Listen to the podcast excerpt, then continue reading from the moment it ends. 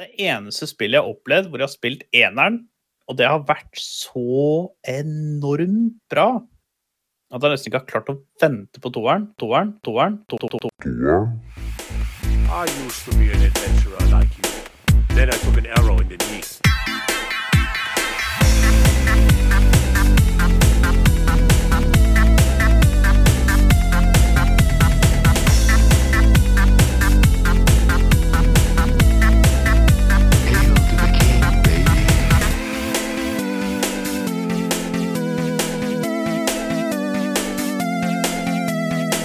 Hallo alle sammen, og velkommen til Spill og chill episode nummer ni. Jeg er som vanlig Bob Rob, og på andre sida av skjermen min så har vi Gun, gun. Gun Gun, ja. Um, du må sprette ølen, Gun. Jeg har akkurat gjort det, men det, var så fuktig at det ble ikke noe poff-in.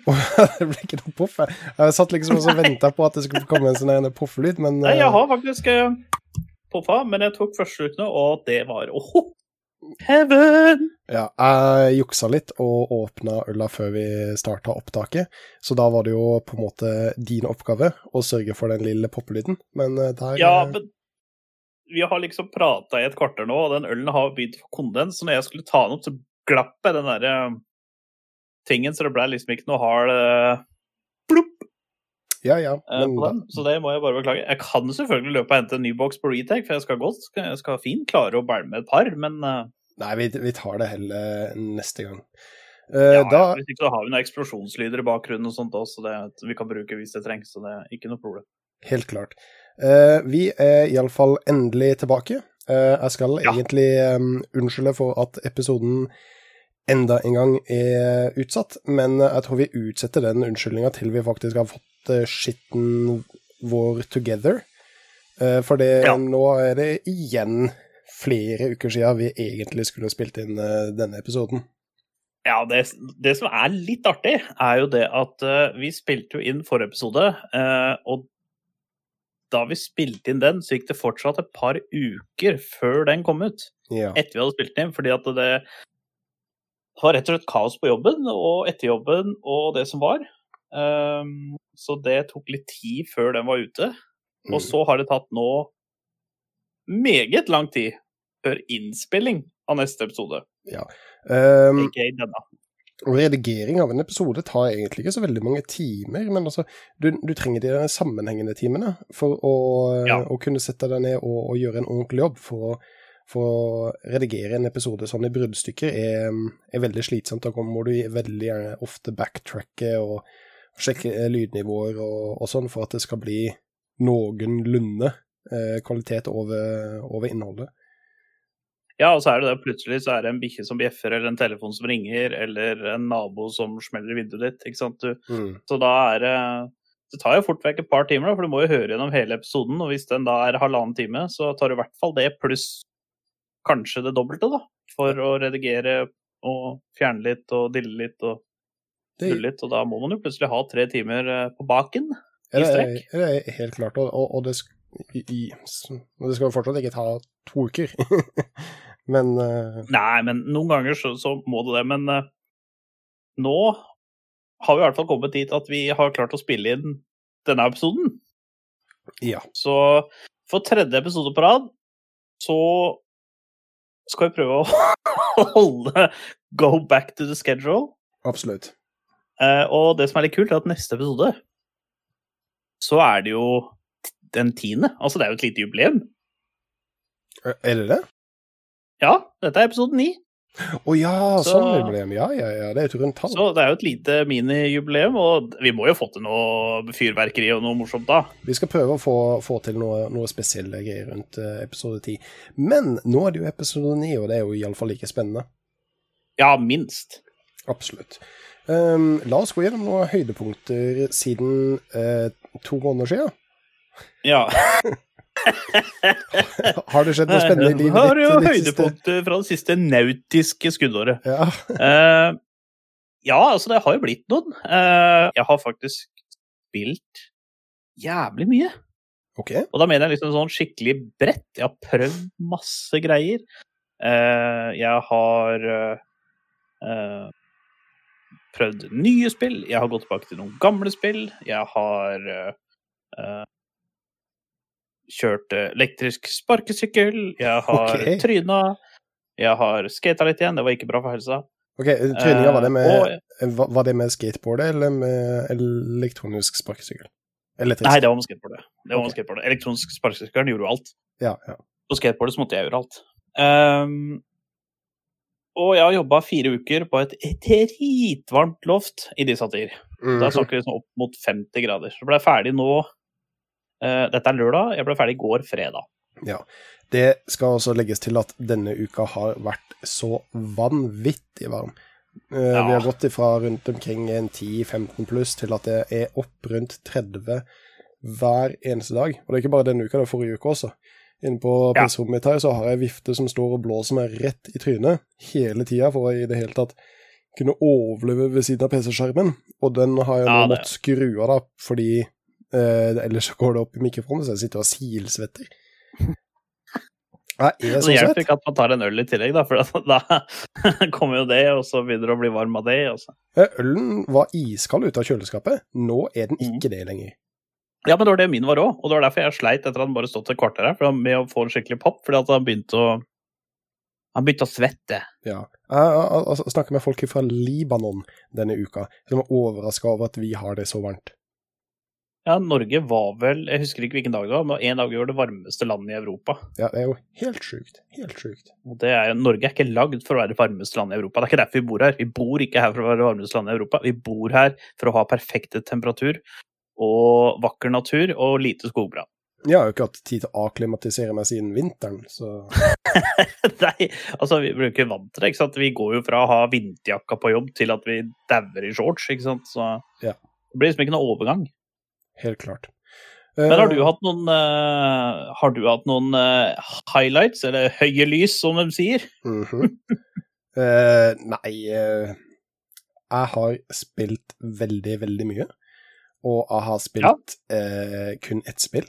Og det er fordi jeg har kosa meg så vanvittig mye med det ene spillet.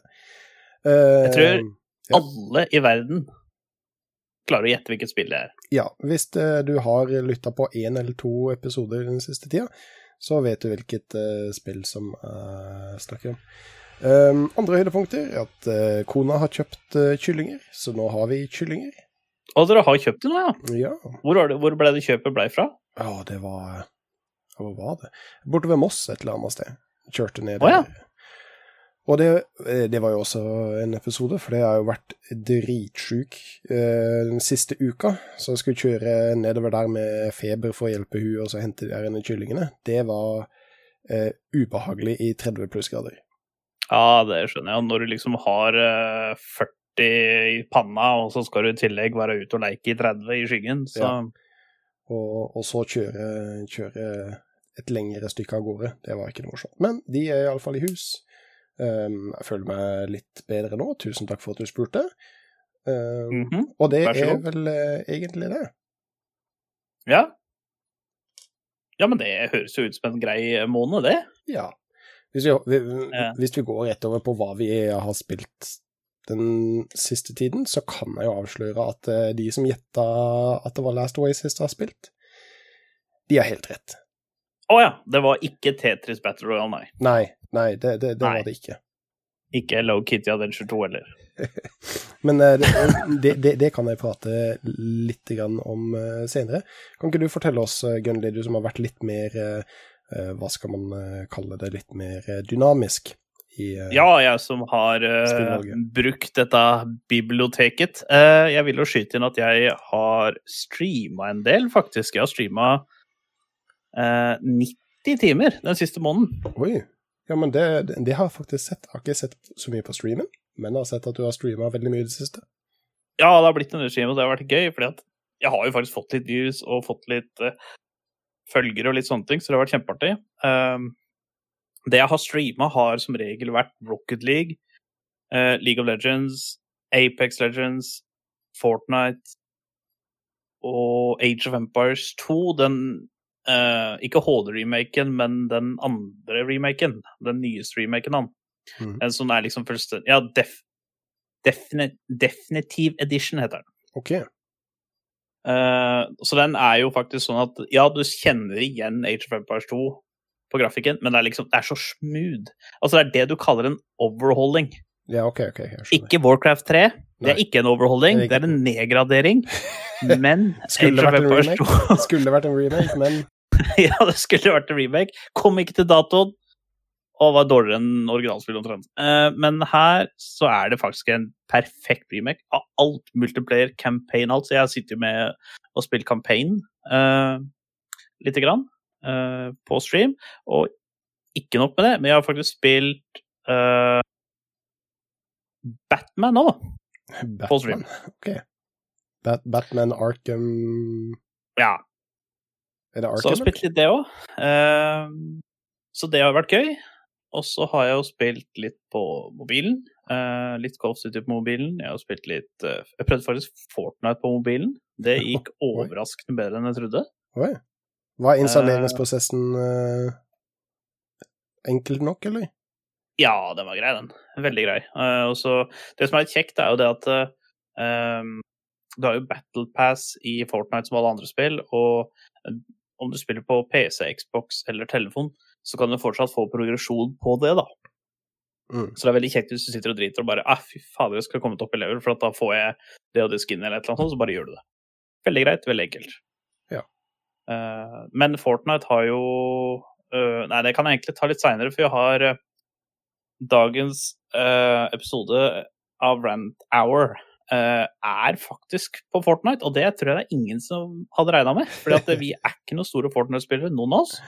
Nei, nei, men at det er på Rant Hour, det kunne jo Ja, kanskje gjetta. det Dette har irritert uh, unge uh, Palagon-gun-vann. Eh, ja, dette vært trist, altså.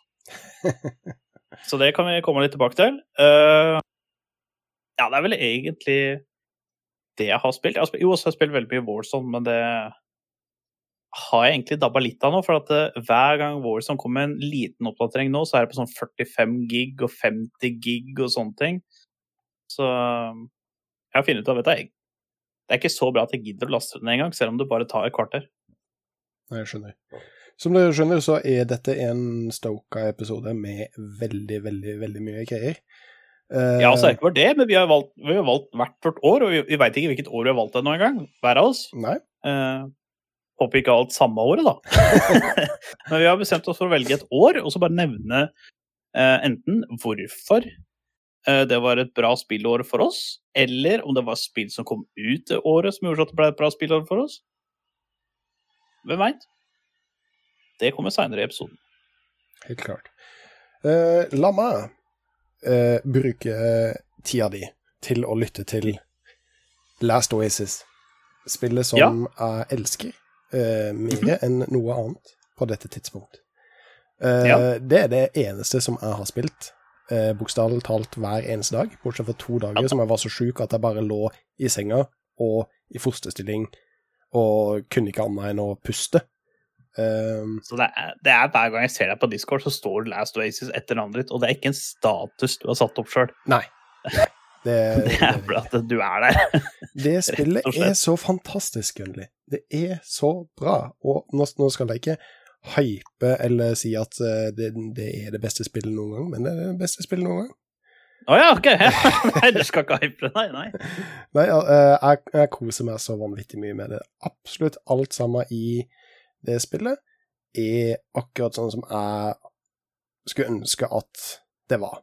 De, de har Mm. det, Altså, det er fortsatt alfa, eller early alfa, eller hva de nå kaller det. Det er et early access-spill, det er ikke ferdig, og um, det får en del hat for at det er så lite ferdig, men det er jo Ja, må ha. jeg skulle akkurat spørre om det, for det var jo mye av sist, husker jeg, eh, da vi spilte inn forrige episode for en nautisk skuddår siden. Mm. Så var det mange som urimelig drev og kjefta på dem på Twitter og sånn 'Å, nå må du få spillet ferdig, det er så mye bugs' og sånne ting. Det er jo en alfa, eller en pre-alfa. Det det er jo bare i Altså Egentlig så er det bare i tenkefasen ennå. Det er jo ikke et ferdiglansert spill.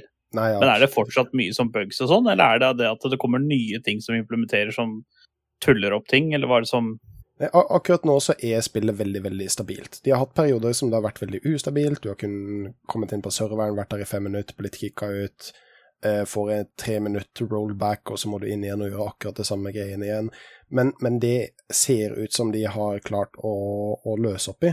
Eh, de problemene som gjerne er nå, er eh, typisk sånne feil som et Early Access-spill kanskje har, om at hitboxene ikke er helt riktig, eller at eh, det er noen småbug som går an å utnytte. Uh, Frameraten er relativt dårlig når det er veldig mange spillere på skjermen samtidig, eller bygninger og walkers på skjermen samtidig. Da får du helt klare frame drops. Eh, her om Mm. dagen så var det så ille at jeg skyldte frames. Jeg måtte screenshotte og maile de tilbake til utvikleren. Det var helt, helt, helt sjukt, og absolutt alle sammen oppdaga det. Eh, Nei, oppdaga det. Opplevde det. Eh, det, det var Mm. ikke bare det var ikke bare meg.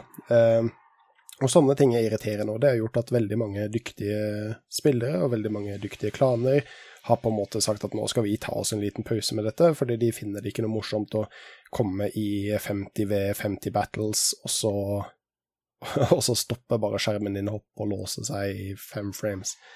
Eh, og, Mm. og, og det er jo helt klart noe som de må jobbe med, men det er fortsatt så mye morsomt i dette spillet. Eh, og utviklerne har i utgangspunktet hele tida vært veldig gjennomsiktige med planene deres med utviklinga og, og hva de jobber med i dag. Eh, Ja. Og nå har det vært en periode som de ikke har vært det, og det kom de ut faktisk i går. Eh, og sa at, ja, ja, og, og sa at det var rett og slett fordi de var utbrent. Dette er et veldig lite studio med veldig få um, ansatte, og folk med veldig lite erfaring generelt i spillanseringer. De har hovedsakelig holdt på med uh, mods uh, og sånt. Mm. Eh, og møtte på veldig mange utfordringer som de kanskje skulle forutsett, men ikke trodde at det kom til å bli så store problemer, så de, de brant seg sjøl ut. Men kom nå ut med en devlog som forklarte alt sammen, at de måtte ta seg en liten pause fordi det var veldig overveldende, og nå er de tilbake i, i, i full track igjen. Da. Og um, Ja, altså sånn DevNodes, det er viktig, altså. uh, Ja. I sånne spill, istedenfor at det bare blir sånn at du lever ditt eget liv, og så bare er spillbasen her og ikke veit noe. Fordi sånn som uh, League of Legends har jo alltid fått mye pepper for at de klarer jo ikke å De sier jo én ting, og så går det fire måneder, og så bare Ha-ha, nei, vi skal ikke gjøre det likevel, vi! Ha-ha! Ja, og da, og den, da sitter å komme med DevNote, sånn som Ubisoft og Siege eksempel, de kommer ut med DevNote hele tida, og de kommer ut med stats over pick og band rate, og hva som er gærent med en champion, og eh, alt det greiene der. Så DevNotes, det er pluss, altså. Ja, absolutt, for det, det, viser at de bryr seg om de folka som, eh, som bruker tida på spillet sitt, og har brukt penger på, på spillet sitt, istedenfor at du sitter der og, og eh, irriterer deg over de samme små problemene og tenker faen, er det ingen som overhodet talt bryr seg om å fikse dette? Men eh, Mm. nå er de tilbake i, i det samme gamle og er litt mer som sagt, gjennomsiktlig med, med planene sine fremover. Ja. Eh, det, det, det gjør jo det at det, det har ikke vært veldig mye content updates eh, siden forrige gang vi spilte inn episode, eh, som gjør at folk i spillet begynner å bli litt eh, lei, kjede seg noe, for det, det, er ikke noe nytt å ta seg til. Eh, men det syns jeg er morsomt, fordi folk finner på sine egne ting for å underholde seg sjøl. Sånn som akkurat nå i spillet, så er det veldig meta med politikk. politikk er en enorm del av dette spillet, med hvem er alliert med hvem, hvem eh, har en NAP eller non-aggression pact, eh, hvem er settlers, hvem er fiender, og hvem er settlerne til disse fiendene. Og det hopper frem og tilbake, så det blir som en, det blir som en Game of Thrones-episode. Hvor er disse Mm. venner? Kommer de til å backstabbe oss, eh, eller kan vi stole på de? Og jeg, jeg, syns det er veldig morsomt. Mange som irriterer seg over den her denne politikken som eh, bryter frem i spillet, fordi folk trenger ting å ta, ta seg til. Men jeg, jeg syns det er morsomt. Jeg sitter og ler og ler og ler og ler og har det så morsomt. Vi hjelper Fluffy Unicorns den ene dagen, neste dag så wiper vi de fra mappet. Ikke sant? Ja, ikke sant? Det Eh, er Men du, du Bab to the Brab. Altså, jeg har hørt noen rykter om, om at det, det gildet du er i, det Det tar kaka. eh, Ja, det har jo faktisk skjedd siden sist, da. Eh, jeg har bytta gild. Ja, at eh, før så var det, det var ikke så stort det første du var i, da du prata om spillet første gangen. Nei, eh, Men Vi- Vikings var nå er det ganske bredt. Eh, det første som var, var en liten gjeng som, som spilte, og vi hadde det kjempemorsomt, men det brøt sammen pga. politikk. Eh, og så eh, ble jeg med i eh, Void, som var en enorm surg. Det var så mange folk. Det finnes ikke nok folk i Kina til å kunne måle seg med oss, for vi var bare så enorm. Men pga. politikk og eh, ting som er blitt en ting i Last Oasis, som heter insiding, så brøt Void sammen. Og det var ti stykker av oss som starta en ny guild som nå heter Remnant X. Eh, restene av Void, eh, og X står jo der for ti. Og vi koser oss kjempemye. Det er blitt en familie borte fra familien. Jeg koser meg så vanvittig mye med, med disse gutta, og jentene, når vi er ute og spiller. Jeg hopper veldig ofte inn i Last Oasis, ikke så mye for å spille Last Oasis, men henger med den gilden og den gjengen som, som vi etter hvert har, eh, har blitt. Ja. Og det er også et er aspekt som jeg, som jeg syns er fantastisk. Bortsett fra at det er et fantastisk spill, så er det en fantastisk god community eh, innad i gilden, eller iallfall kan bli det. Det er jo dritkult, da. Ja. Det hjelper jo det. altså, Hvis din er bra i sånne spill, så hjelper det mye. altså, Sånn som hvis du spiller Rust, for eksempel, så er kanskje ikke communityen like heftig. Nei, men din community ting er heftig. Din community er heftig, men andre sin community, de er salte som bare faen. Ja. Men nå kommer det jo da en content update. Nå når de har letta litt på sløret etter den lille pausen som de har hatt pga. alt det som var overveldende for dem, så Mm. kommer det nå en content patch. Og nå sitter vi og gjør oss klar til den, og den kommer til å bli veldig stor. Det kommer nye maps, Ja. det kommer nye våpen, det kommer nye me mekanikker, og det det kommer til å bli veldig, veldig spennende. Så hvis neste episode også er utsatt, så er det av Last Oasis. da veit vet dere det, i hvert fall. ja, da var den skal, så content-patchen vi skal prøve å unngå bra. det, men da veit dere det, i hvert fall. Ja, da, den content-patchen var så bra at den ble en uke forsinka. Men har, eh, har de gitt noe mer indikasjoner på når eh, de skal prøve å få dette i beta, alt jeg på å si, eller noe lansering? Er, er det noe lys på enden av tunnelen, eller er det Um, en Daisy-opplegg? Vi, vi får håpe at det ikke gjør det. Altså, på grunn av pandemien så var det veldig, veldig mange personer som ikke hadde noen ting å gjøre akkurat når Last Oasis kom ut, som gjorde at spillet eksploderte. Det var Ja. så mange folk som heiv seg på Last Oasis. Um, og jeg håper at Devsa innser det, at det blir litt sånn som Epic Games, når de Ja. eh, snubla borti Fortniten.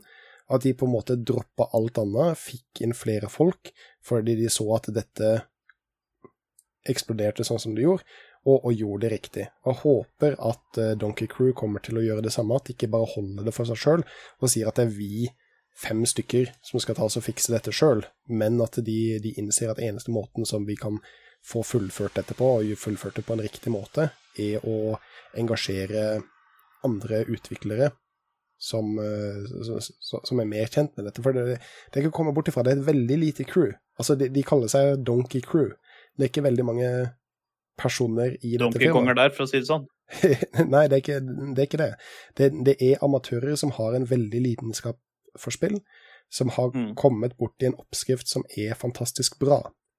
Og Ja. hvis de er ydmyke nok til å si at vet du hva, vi trenger hjelp for å få dette i land, og gjør det, så, så, så kommer det til å gå bra.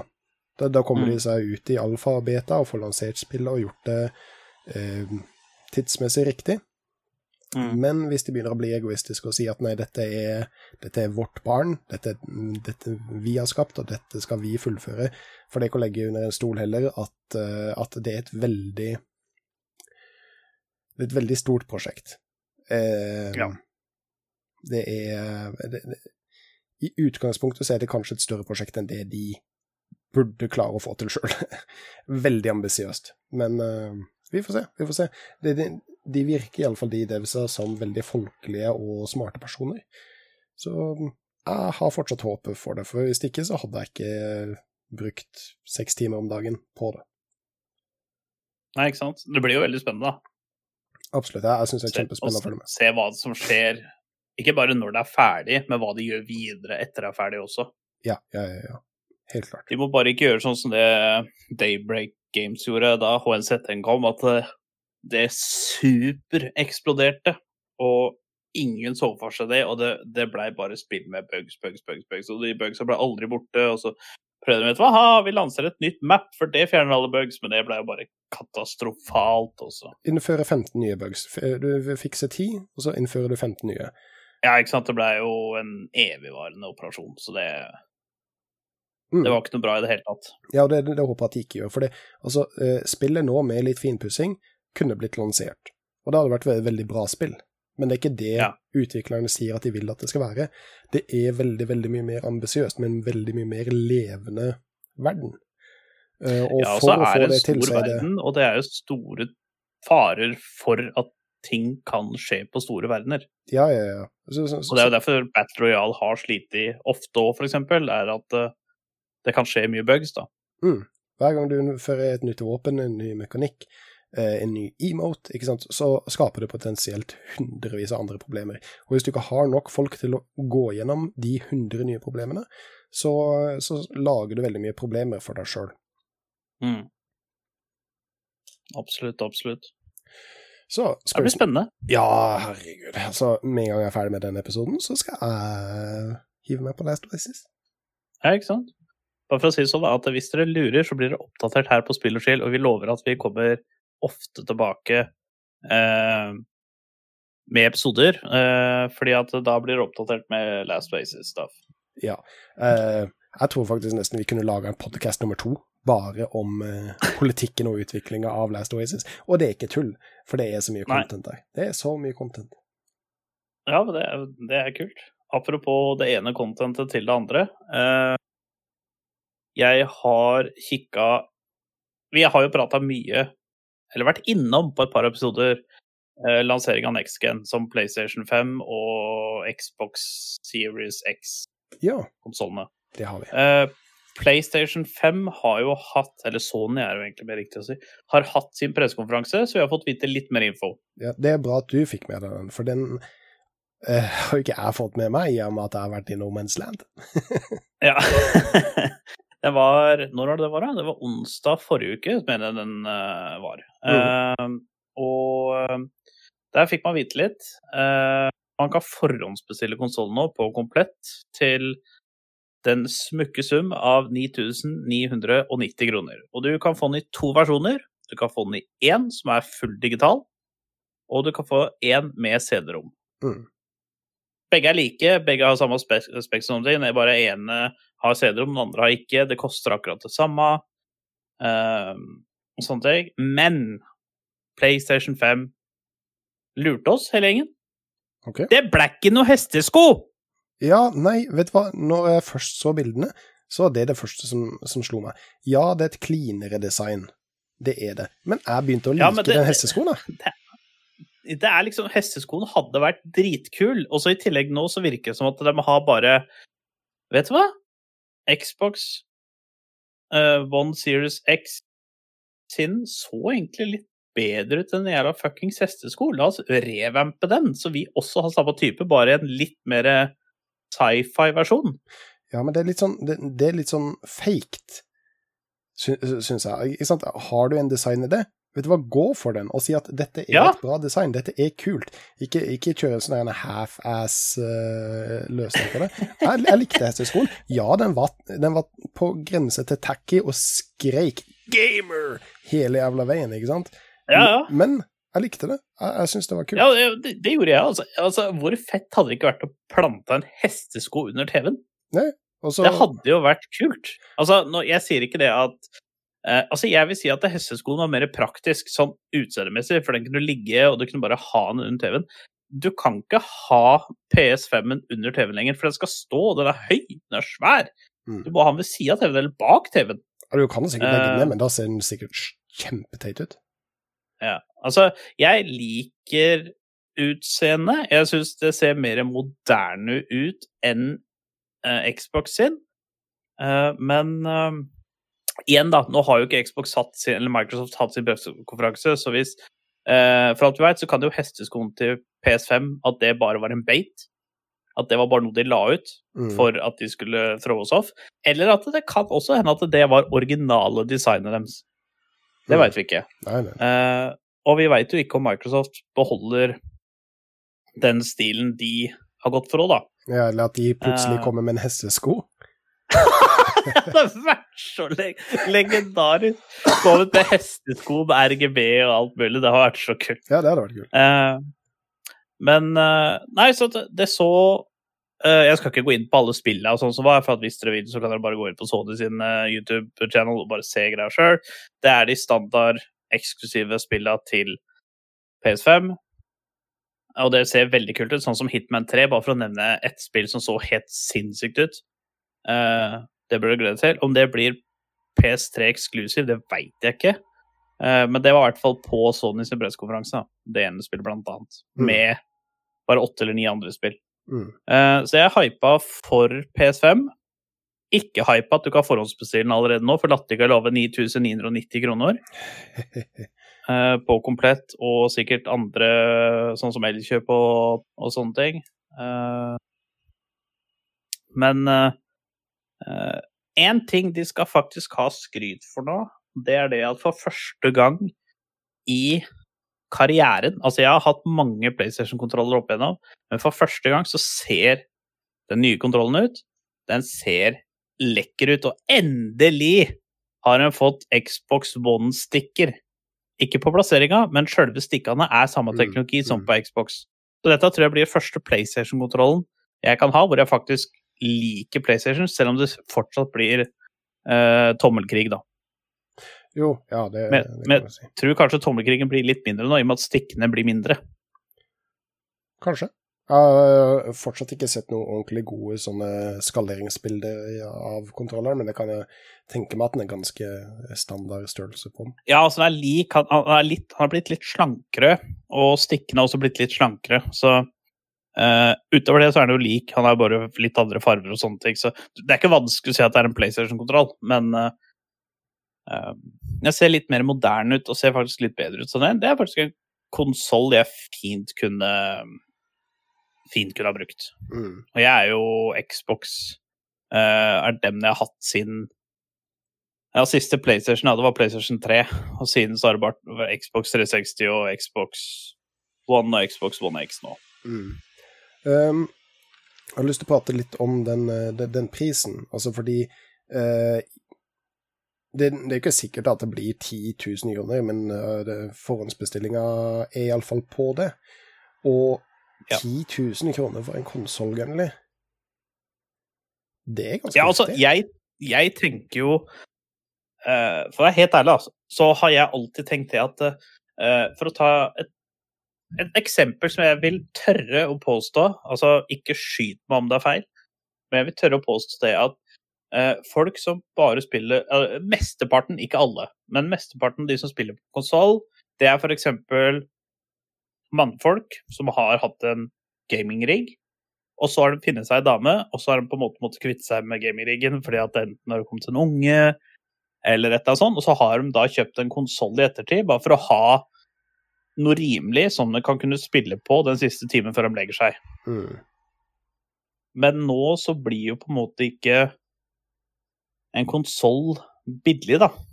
Altså det er jo fortsatt billigere. altså Stats comparison til en PC, så får du jo mye bedre stats for 10 000 på konsoll kontra 10 000 for en PC. Ja, gjør du det, altså? For det er jeg ganske sikker på at jeg kunne bygd en ganske eh, kompetativ eh, Ryzen gamer rig for 10 000 kroner.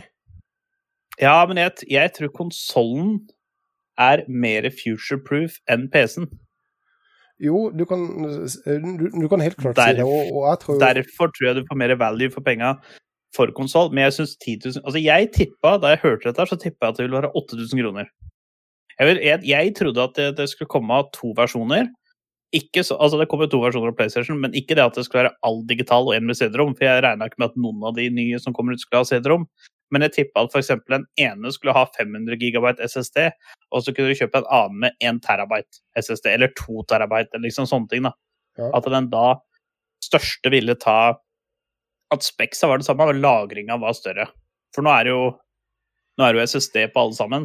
Ja. På PlayStation og Xbox. Og det er jo som du sier, det er å regne AMD-bild. Det har jo for så vidt PlayStation 4 og, Play og Xbox eh, X hvert år. Um, men igjen, da, så er jo Xboxen Nå får jo det bekrefta når sin pressekonferanse kommer nå, men uh, igjen så er det Xboxen som er mer kraftig, men PlayStation som har de beste eksklusive spillene, da. Jo, det kan du si. Uh, uh, Linus Tech Tips hadde jo også en video som gikk noe mer i dybda også med den der SSD-lagringskapasiteten til PS5-en. da. Altså fordi en uh, M.2 uh, NVMe SSD um, Mhm. er ikke bare en uh, M.2 NVMe SSD. Uh, det er måten det er bygd opp med hvilke kontrollere og hvor mye cash og uh, hvor mange Ja. på en måte PSI X-linjer som er tilgjengelig. Mm. Uh, og uh, de fikk jo en del problemer, for de gikk ut og så ranta på at dette er jo egentlig bare tull. Når du kommer med disse speksa, så er det ikke like kult som det dere sier at det er. Men når du Nei. går litt mer i dybda på det, så ser du at jo, dette er faktisk veldig, veldig veldig kult med den Mm. hurtige lagringa, hvor du kan på en måte laste inn nesten hele verdena di på eh, et minne, istedenfor å dra det rett av SSD-en, som gjør det at du, du får ikke de her eh, loading-blokadene da, Mm. i, i, i spillene dine. Uh, og, og det vil jeg jo også tro at de kan vinne en del på fremfor også en PC til samme pris. Men hvis du hadde gitt meg 10 000 kroner og sagt gjør hva du vil med disse, så tror jeg jeg hadde brukt det på PC istedenfor konsoll. Ja, altså, jeg sier Det hadde jeg gjort òg, men det er jo for at jeg preff... Altså, jeg preffer jo PC. Eh, men det som på en måte alltid har vært greia med konsoll tidligere, føler jeg, da, er at en konsoll skal være en billig løsning for å spille bra spill. Ja. Men la oss si at det koster Eh, 8000 og det er jo sånn som nå når jeg spiller Xbox One X. Hvis jeg spiller Call of Duty der, da, for det er crossplay på, og det er jo ganske trippel A og litt heavy på grafikk og sånn. Eh, når jeg spiller det på Xboxen, så bruker alltid karakteren litt tid på å loade, Mm. kontra hvis jeg spiller det på PC. Men sånn in game graf... Hvis du ser bort fra FPS, da, så er grafikken er eh, mot tilsvarende samme. Det er ikke det samme, men det er mot tilsvarende samme. Altså Hvis du spiller på en TV som ikke er super high end, eh, så vil du ikke se så stor forskjell. Da vil du si at ja, grafikken er mer eller mindre det samme. Mm. Eh, selvfølgelig at du er jo redusert da på FPS. ikke sant? Det er jo stor forskjell på å spille 144 og 60, men Spesielt da hvis du har skjerm til det. Eh, men eh, jeg syns faktisk Warzone er bra å spille på både PC og Xbox. Oi, ja, ja, Eh, ja. Og det er ikke sant PC-en min koster 30 000. eh, Xboxen koster eh, 5000. ja, men da, da snakker vi om de, de prisene. ikke sant? La oss si at det nye Ja, men nå så blir det jo ti test. Altså, det er jo som du sier, at du kan fint bygge en PC og få bortimot samme speks. Det tror jeg. Det tror jeg ikke er noe problem. Uh, men jeg Jeg tror at konsollprisen kommer til å falle veldig mye. Uh, jeg tror at akkurat nå som er under lansering, så kommer det til å være dyrt. Og så går det et år. Og så kommer de ut med PlayStation Slim eller Mm. et eller annet sånt, og da kommer originalen til å dette ned. Og da, det er da jeg tror at du får mer respekt for penga på konsoll enn på PC.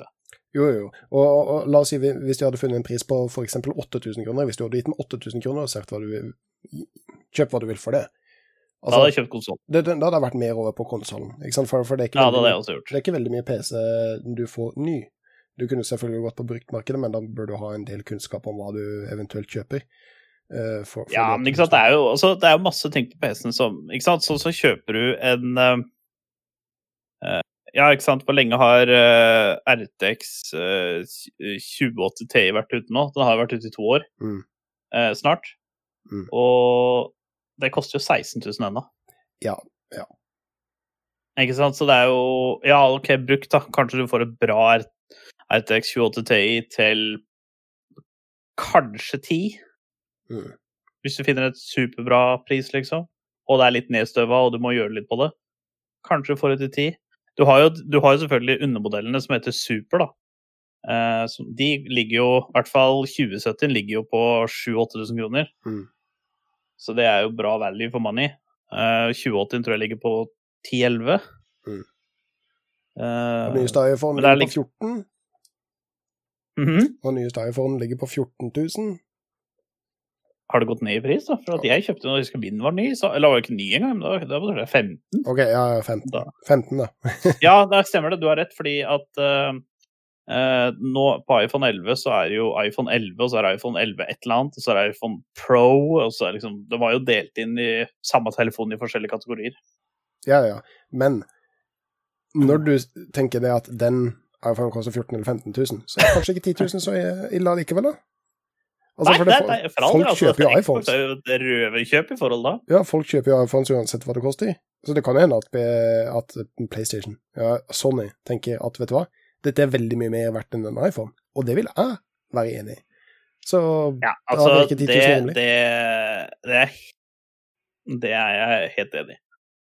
Altså, folk kommer til å kjøpe De som vil Altså, de som har PlayStation 4 nå, de kommer til å kjøpe PlayStation 5. Altså, det er nesten 100 sikker på. Hvis de spiller på konsoll, da. Eh, hvis du er en main PC-gamer og du spiller kanskje to spill på PlayStation 5, så tror jeg kanskje du klarer å vente til eksklusive spillet kommer over på PC, eller eh, eventuelt hvis du stikker hos en kompis og spiller de. Mm. Eh, for at det blir litt dyrt å spille et PC, nei, PlayStation-spill som er eksklusiv, hvis det koster 10 000 å kjøpe konsollen. Eh, noe som jeg la merke til, eh, med spillet iallfall, det var at det var veldig, veldig mange titler der som var singleplay-basert. Og det har Ja. jo vært en trend nå som har vært i mange år veldig nedadgående, at alt sammen går over mot online. Eh, men Ja. sånn som for eksempel at Horizon kommer tilbake, som er en singleplayer-tittel. Ja, nå kommer jo The Last of Us Part 2 også. The Last of Us har jo blitt kåret til en av de beste spillene ever. Mm. den første, men nå kommer jo part to, så det er enormt mange. Altså, den, og det er jo PlayStation Exclusive. eh, Du får jo aldri spille på noe annet sted. Men um, der er fansen det spriker, altså. Skal dem det, det er så, ikke sant? The Last of Us er så bra, og de er så redd for at Last of Us Part 2 skal ødelegge det. Mm. Mens andre er sånn superhypa. Å, eneren er så bra, da må toeren være bedre. Ja, men har de brukt så lang tid på å få det ut, så det håper jeg jo for guds skyld at de har vært gjennomtenkt.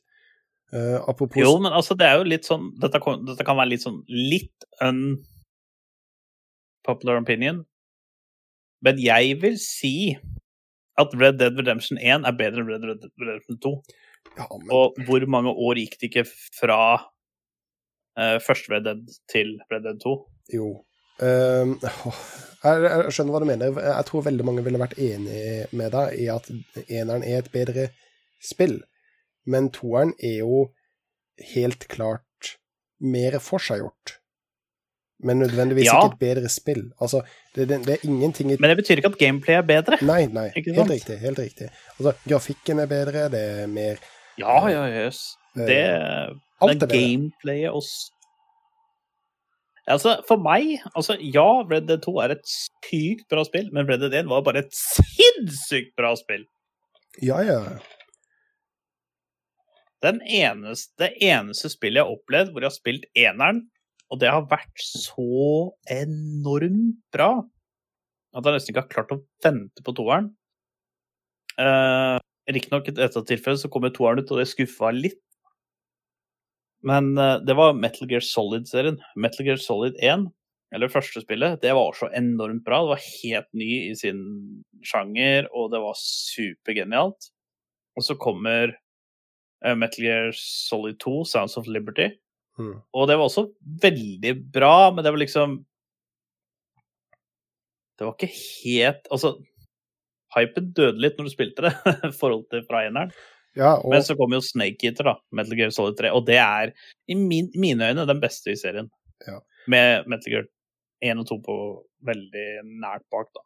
og sånn sett så er jeg veldig glad for at jeg aldri egentlig heiv meg noe særlig inn i Final Fantasy-verden, hvor sjueren er øh, veldig omtalt som et av de beste spillene gjennom tidene, og så kommer man til nieren, hvor folk liksom sier at det kanskje er noe av det mest skuffende de noen gang har vært med på. Ja. For det er den serien, den svinger veldig mye opp og ned, ikke sant? Noen elsker tolleren, Ja. men kan ikke fordra de andre spillene. Noen eh, sverger til sjueren. Elsker sjueren og klarer ikke å fordra de andre. Ja, Noen noen elsker 14 og liker ikke singelplayerdelen. Nei. Så det, Ikke sant? Så sånn sett Så er jeg glad at jeg ikke rota meg bort i det der universet.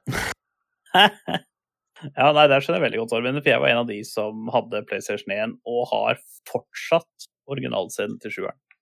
Så som en liten digresjon helt på eh, slutten av, um, av den konsollgreia, har du sett uh, videoen fra um, Ghost of Tsushima?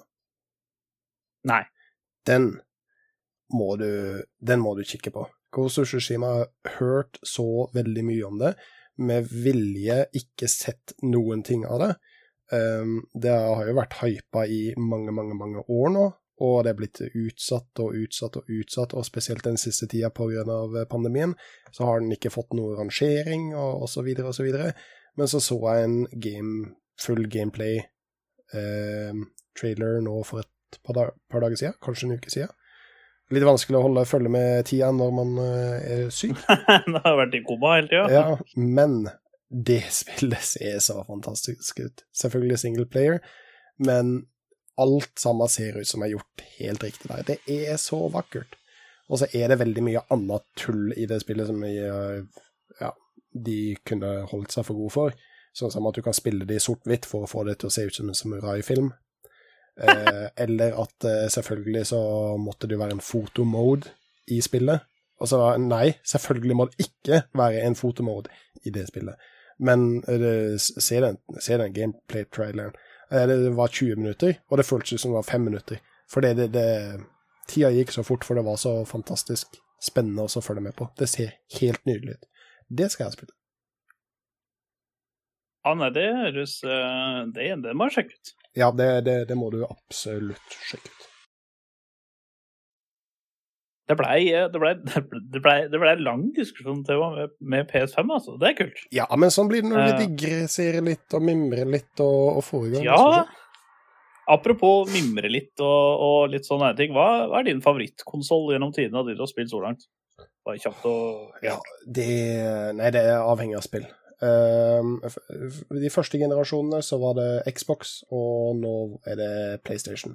Først av Halo, så på grunn av ehm, ehm, Å, nå står det helt stille. Uh, Jade Empire og Fable. Og Mhm. så PlayStation 4, fordi alle vennene mine spilte det, og det var der jeg på en måte ble hekta på Elder Scrolls Online. Ja, stemmer, stemmer. Så er det, sånn sett så har jeg ikke noen favorittkonsoll. Det er ikke sånn at det er Team eh, Green eller Team Blue, men um, det, det, det er veldig avhengig av den communityen som jeg spiller med, og de spillene som er kun tilgjengelige på de konsollene. Jeg har, jeg tror min favorittkonsoll tror jeg er Nes, Ja, fordi at det var den første. ja, ja, det kan du si. Eh, så jeg tror altså, altså Sammenligna med alle andre, så er den jo trash nå, men det var liksom det var der det starta. Jeg har enormt mange minner fra den konsollen. Det er den eneste konsollen jeg har hatt hvor jeg ikke føler at kommer en ny konsoll, kom Nintendo 64 eller Super Nintendo eller PlayStation 1 eller sånn, så følte jeg aldri at de klarte å ta over minnene mine fra Nes. Nei, og jeg, jeg vet Mens nå, hvis, hvis jeg har Xbox 360 og kjøper Xbox One, så da har jeg glemt 360. Jeg vet det er mange som føler det sånn, for du får de der eh, barneminnene fra når du satt og spilte Ducktales eller Super Mario eller eh, Turtles eller hva enn det måtte være. Men, og jeg har også de minnene, men jeg satte ikke pris på spill på samme måten som jeg gjorde når jeg var eldre. Det var på en måte tidsfordriv, for jeg hadde ikke så veldig mye annet å finne på.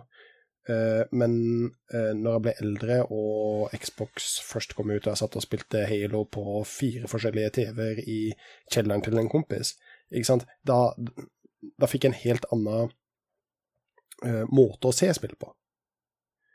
Og, Ja. på, og på den måten så, så, så har jeg kanskje ikke de veld, samme veldig nostalgiske og romantiske minnene til, til nesen, selv om jeg set, satt veldig pris på den.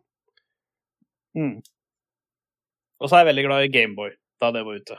Ja, Gameboy er fantastisk, da. Fy faen, det var forut for sin tid. eh, det var, en, det var next gen, altså. Ja, absolutt.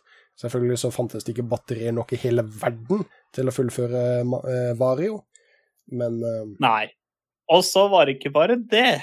Men det var Jeg veit ikke om du spilte ett og samme spill i så mange timer, men det gjorde jeg. Eh, og det var at de spilla eh, Jeg veit ikke om det var på det første Gameboy, men i hvert fall på Game of Color så var det sånn som dette. Og det var at alle spill hadde et minibatteri inni seg. Oh. Og det minibatteriet, det gikk ut etter 3000 timer. å. Ja, nei, det har jeg ikke Så hvis du spilte et spill i 3000 timer, så fungerte det ikke lenger. Oh, Eller det kunne fungere etter sånn Ja, hvis du- 3001, 3000 og eh, et eller annet sånt. Men eh, på bikka du 3000 timer, så, så funka det ikke. Å, såpass. Nei, det, det har jeg ikke vært borti. Men jeg husker fortsatt I- eh, lyden av Tetris når eh, batteriene går ut på Gameboy.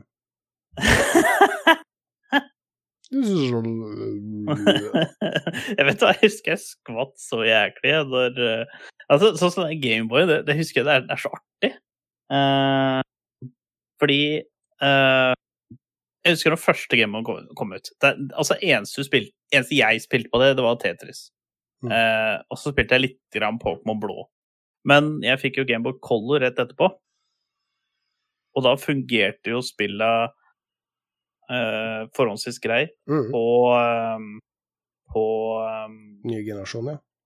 Ja, altså da blei det litt blåfarver. Altså det var ikke bare svart-hvitt. Da blei liksom, Hvis du spilte Pokémon blå, så var det veldig mye blått der, og spilte Pokémon rødt, så var det liksom alt rødt. Mm. Um, men så husker jeg Og dette er dritfunny, liksom.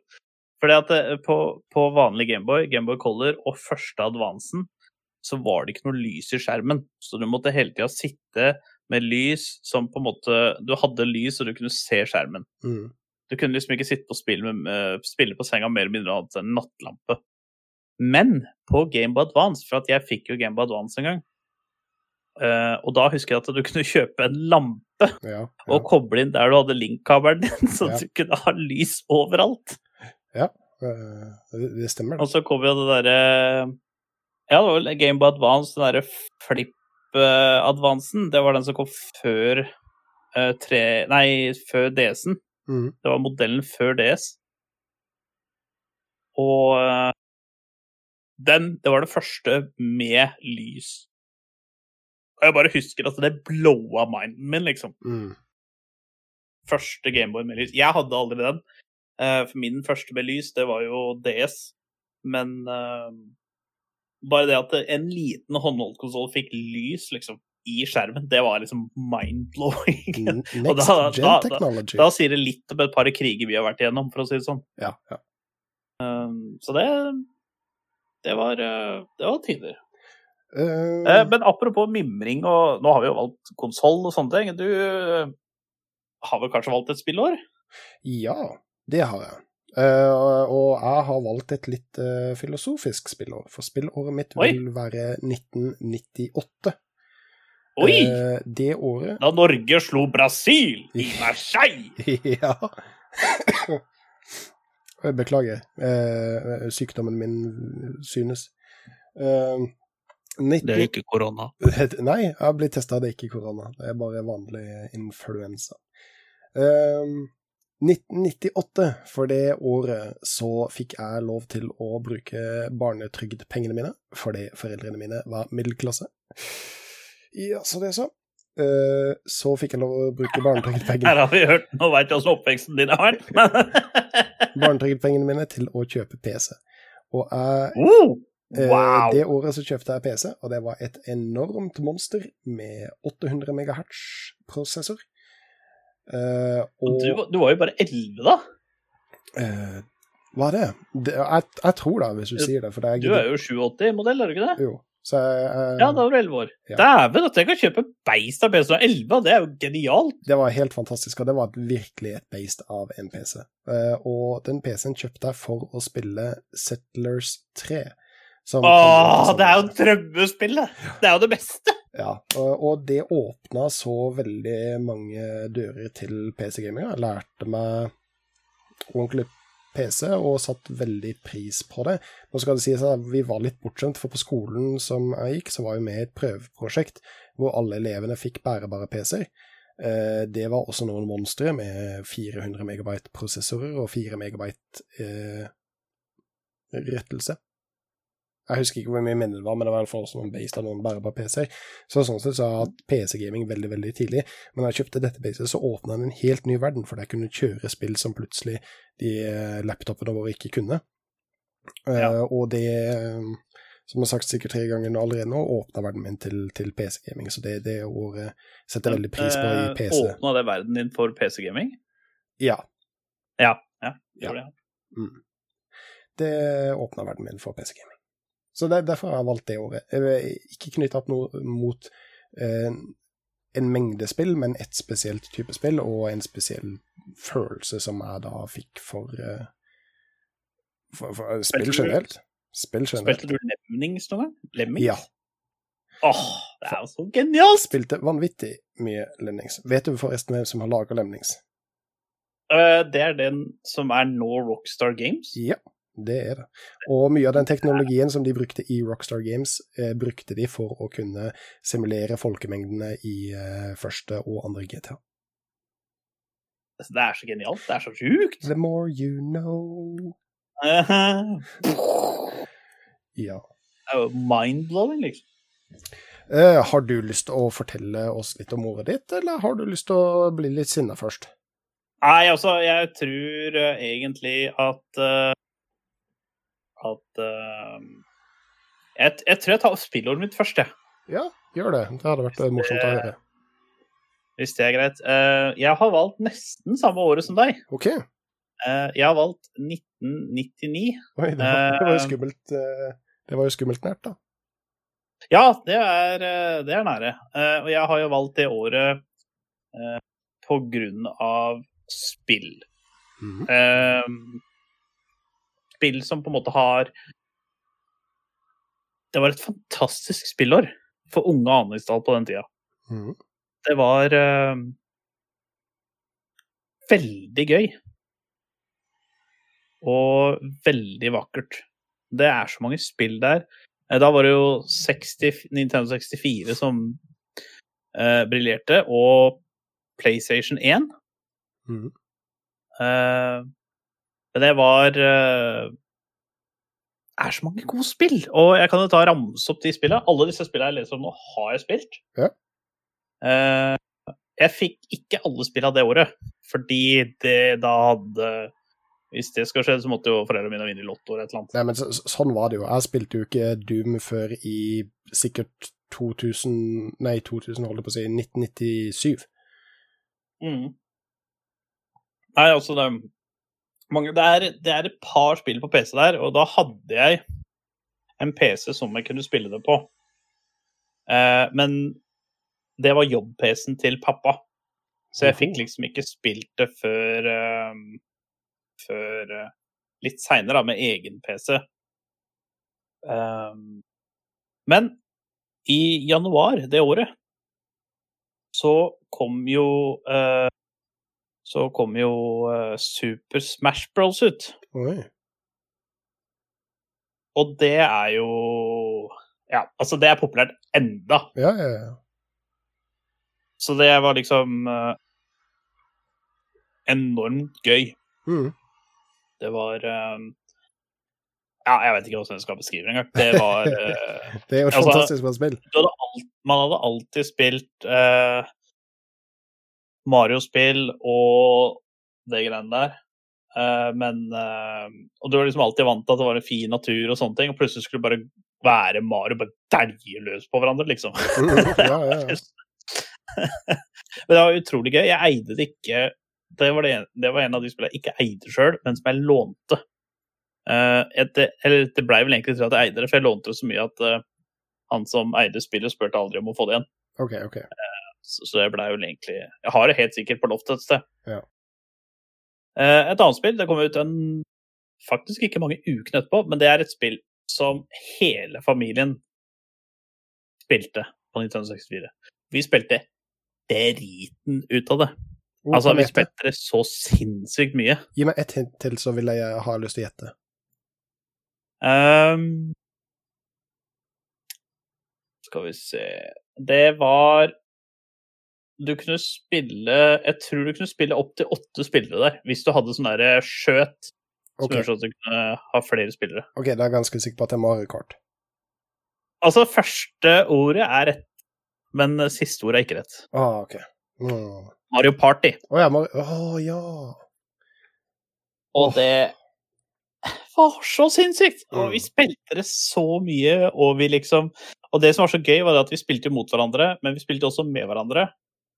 Vi spilte mot hverandre for å eh, vinne og sånt, men så var det det at eksempel hvis jeg fikk ti stjerner, og så fikk eh, faren min tolv stjerner, og så fikk søstera mi sju stjerner, og så fikk stesøstera mi 17 stjerner, så la de jo alle de stjernene sammen i en bank som du kunne bruke på å unlocke andre brett. Mm. Så det var liksom så jævla kult uh, i uh, den forstand, da. Så Mario Party uff, det Ja. gikk så mange timer til det. Altså, det er helt drøyt. mann. Det er så sjukt. Ja, eh, Mario Party satt vi og spilte så mye helt opp til ja, eh, året vi dro inn i militæret, jeg og gutta. Det er et fantastisk morsomt spill. Det er et partyspill. Ja, men det, det, det er så genialt. Og så, vet du hva, jeg har eh, En av hovedgrunnene til at jeg har bestilt en uh, Switch, er på grunn av Mario Party. Ja, men da Altså, kommer jeg- du ødelegge inn switchen din, da. Ja, altså, men hvor, det, mange, det, hvor mange kontroller er ikke blitt ødelagt pga. Mario Party? Ja, men det må du bare tåle. Jeg har kjøpt, jeg bestilte en ekstra kontroll, men jeg får den ikke før nærmere juli, for det er jo utsolgt overalt. Mm. Men ja, nei. Uh, jeg må. det, det er så mange minner. Jeg kommer sikkert til å bli megaskuffa, for det har sikkert forandra seg mye siden jeg spilte. Men, og dette er bare parti én, altså. Dette jeg veit ikke hvor høyt de har kommet i siffer nå, men uh, ja. Mm. Uh, neste spillet Vi har vært litt inne på det, eller nesten vært litt inne på det. Uh, det er Final Fantasy 8. OK. Og den har jeg egentlig tatt med, for at den var jeg bare ekstremt hypa på. okay. Fordi sjueren var så bra. Åtteren var ikke så bra. Eh, Det var ikke et dårlig spill på noen som helst måte, men det var ikke i nærheten av sjueren. Eh, Men absolutt et bra spillminne. Eh, Sjueren og åtteren er de to originalscenene jeg fortsatt har igjen Hm. i dette hus. Og Final Fantasy har jo revolusjonert mye opp igjennom. Sånn som Final Fantasy 10, så var det jo bytta de regissør på spillet. Så det blei jo ordentlig stemmeskuespill. Kommer på Final Fantasy 10, og det er det første Kan hende at det er feil, men det, det skal være det første spillet ever med ordentlig stemmeskuespill. Oi. Hvilken konsoll var det på? PlayStation 1. Ja, ikke sant, for da hadde de CD-rom. Stemmer. Ja. Mm. Så det Den gikk der. Uh, neste spill er et spill som virkelig har satt eh, MMO, RPG, på kartet. Everquest. Everquest. Det var bra jeg ikke gjetta en gang til, da. det var liksom det store det, det, vet du, Everquest lever enda. Det overrasker meg ikke. Eh, de har servere online ennå. Eh, dog, de hadde det også på Mac, men de serverne er lagt ned. OK, ja. Så du må spille det på PC. Det neste spillet er jo Altså, jeg var jo en kjempestor nerd av den serien her. Ikke nødvendigvis av akkurat dette spillet i serien, Eh, men eh, i mars, så 21. mars, så kom jo Pokémon Snap ut. Og jeg elska jo Pokémon. Altså, Pokémon var jo life for meg. Pokémon Snap, hva er det? Det var at du kjørte rundt i forskjellige maps, og så eh, tok du og eh, skulle ta bilder av forskjellige Pokémon. Og på noen, oh, ja. noen steder så måtte du kaste eksempel eh, eh, treats og candies og sånn for å lure Pokémona fram, da. Mm, Så du fikk tatt bilde av dem. Så skal du istedenfor å catch a ball! Så skulle du liksom ta bilder av alle sammen, da. Okay, ja. Eh, veldig artig spill for vi som var veldig glad i Pokémon. Uh. Eh, og Pokémon er det ene spillet som jeg har maksa 30 000 timer på, forresten, på Gameboy. så da hadde jeg fanga alle sammen, og alle var på level 100. Ja. Um, hashtag life. uh, Men dagen etter Pokémon Stamp kom ut, så kom ut kanskje et av de PC-spillene jeg hadde mest timer på i ung alder. Ok. Uh, og jeg kan gi et hint. Det var at man skulle bygge noe. Ja, da, er for noe? da er vi over RTS-sjangeren. Og hvis dette fortsatt var 98 99. eh, er Dette er fortsatt 99. Eh, da må det jo være et eller annet Er, er, er det kriging? Nei. Da vil jeg si Sid Meier Civilization. Rollercoaster Tycoon. Åh, fy faen, jeg er så dårlig på å gjette, altså. Ja, men vet du hva? Det, er liksom, det, det, det verste av alt er at uh, det spillet du egentlig hadde tenkt å si nå, det tror jeg kommer seinere. OK. Ja. men nei, Rollercoaster Tycoon Fy fader, for et spill, altså.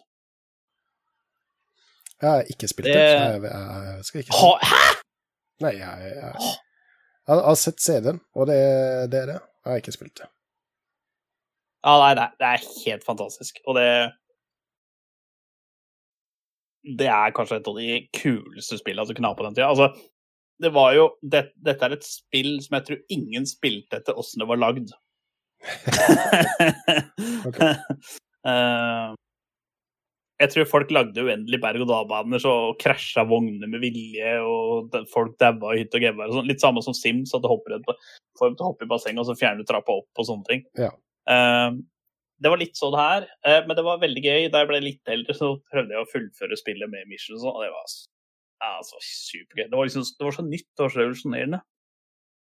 Bygge nasjonalparker, eh, unlocke ting, og klare objectives og få folk fornøyde og sånne ting. Jeg husker, jeg husker det at det ene missionet mitt var å ha 600 gjester i november i år tre. Mm. Og så husker jeg at jeg hadde brukt nesten tre år på å få 600. Og da var jeg sånn tre måneder unna. Så jeg, jeg tok også fjerna veien til utgangsdøra for å beholde de 600 til year 3. Men da fikk jeg ikke Mission Complete, for da var ikke gjestene fornøyde. Uh, En psykopat blir født. Ja. Åh, jeg vinner, altså. Jeg var, jeg var så videre, for det er lang lyst ut der.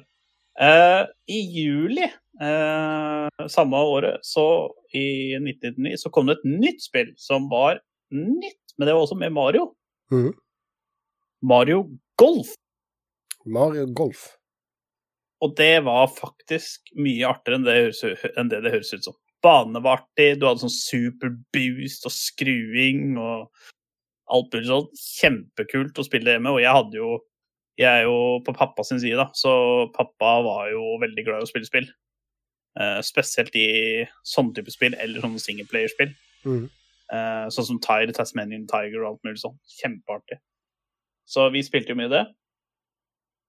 Uh, I august det året så kom et spill som Altså, det var revolusjonerende. Og det var Tony Hawk Pro Skater. Uh. Det var så revolusjonerende. Selv om eneren er jo ikke i nærheten av det beste spillet. Uh, men det, det, det gjorde så mye i spillmediet Mm. akkurat det spillet. Og Tony Hawk var med hele veien. det var så artig, liksom, for han var liksom med hele tida og eh, og, eh, og sånne ting. Og det var liksom første gang liksom, en celeb hadde vært med på det og giddet det og sånne ting. Og så husker jeg at det var liksom så mange som rykter og bare sånn «Åh, Tony Hawk han klarer alle de triksa her på virkeligheten, liksom. Og selvfølgelig så gjorde han ikke det, da, men det var så artig, for liksom, folk trodde det og sånn. Um, men det var eh, det var fun game, altså. Og Og det er veldig én ting. Tony Hawk skal ha, som er sinnssykt bra på alle spillene hans, det er soundtracksa. Eh, Det kan, jeg, det kan jeg se for meg. Altså, jeg, altså jeg satt i Jeg kunne skru på spillet og ha på TV-en på høyt volum, og så kunne jeg bare Og så kunne jeg bare drite i å spille. Jeg skulle bare høre på musikken. Da gikk jeg liksom og gjorde noe annet. bare for å høre på musikken i lobbyen, liksom. Mm. Og det er jo veldig aktuelt nå, Eh. for det, nå har jo Tony Hawk kommet ut med et nytt spill. Eller, jeg vet ikke Ja, om han det skal, er han nytt. skal, han skal remake, eh, remake, ja. Han skal remake treeren og fireren, er det vel? Ja, ja. Så um, det tror jeg blir veldig bra. Det er enormt Fy faen, det er så mange timer på det spillet at det er helt latterlig. Um, og um, Ja, så det, det gikk en del timer på det. Men nå kommer det spillet som jeg tror du skulle gjette på i stad, når du sa Sid Myers. Mm. Uh, det er ikke Sid Myers, da, men det er RTS, og det er kriging. Ja. Hvilket spill tror du det er, da? Uh, Da er det Age of Empires. Det er riktig. Age of Empires 2. Mm. The Age of Kings. Ja, og det- det spillet Åh! Det er vel et spill PC-spillet i Fra jeg var Eller fra 1999 til Til jeg var 20, som er det spillet jeg har brukt mest tid på. Mm. Garra. Jeg tror faktisk det eneste spillet jeg har brukt mer tid på enn Age of Empires. Ok, Hvis du tar Age of Empires-serien, så tror jeg fortsatt det akkurat uh, stikker over det, og det er uh, League of Legends. Jeg tror det er det eneste spillet jeg har brukt mer tid på enn Age of, en Age of Empires-serien. Mm. Jeg tror faktisk jeg har spilt Age of Empires mer enn jeg spilte WoW. Og WoW har jeg mange timer i, altså. ja. Og så var det et annet spill som uh, Jeg hadde det ikke, men det er basically det samme som eh, de andre versjonene, og det var Pokémon Gul. Det var sånn special edition med Pikachu, Mm. eh, som var litt mer lik eh, serien. OK. Så eh, det, var, eh, det var veldig artig. Eh, jeg, hadde, jeg hadde blå og rød, eh, men jeg hadde ikke gul. Men altså, det var samme storyen og samme kart og alt. Det var bare at uh, på gul så fikk du tak i Pikachu, Charmander og Bulbasaur Mm. eh, og Squirtle, mens på rød og blå så kunne du kun velge mellom enten uh, som starter-Pokémon, enten uh, Charmander eller Pikachu, nei, Squirtle eller Bulbasaur. Mm. Mens på gul så fikk du alle sammen. Så egentlig, de, de som hadde gul, de som spilte gul, fuckings cheatere. Det var liksom DLC for å få alle tre. Du måtte jobbe ræva for for å få på de andre spillene, liksom. Ja, ja. Um, og så, slutten av det året, så kom jo Vi har vært veldig kort innom det, men da kom GTA 2. Mm.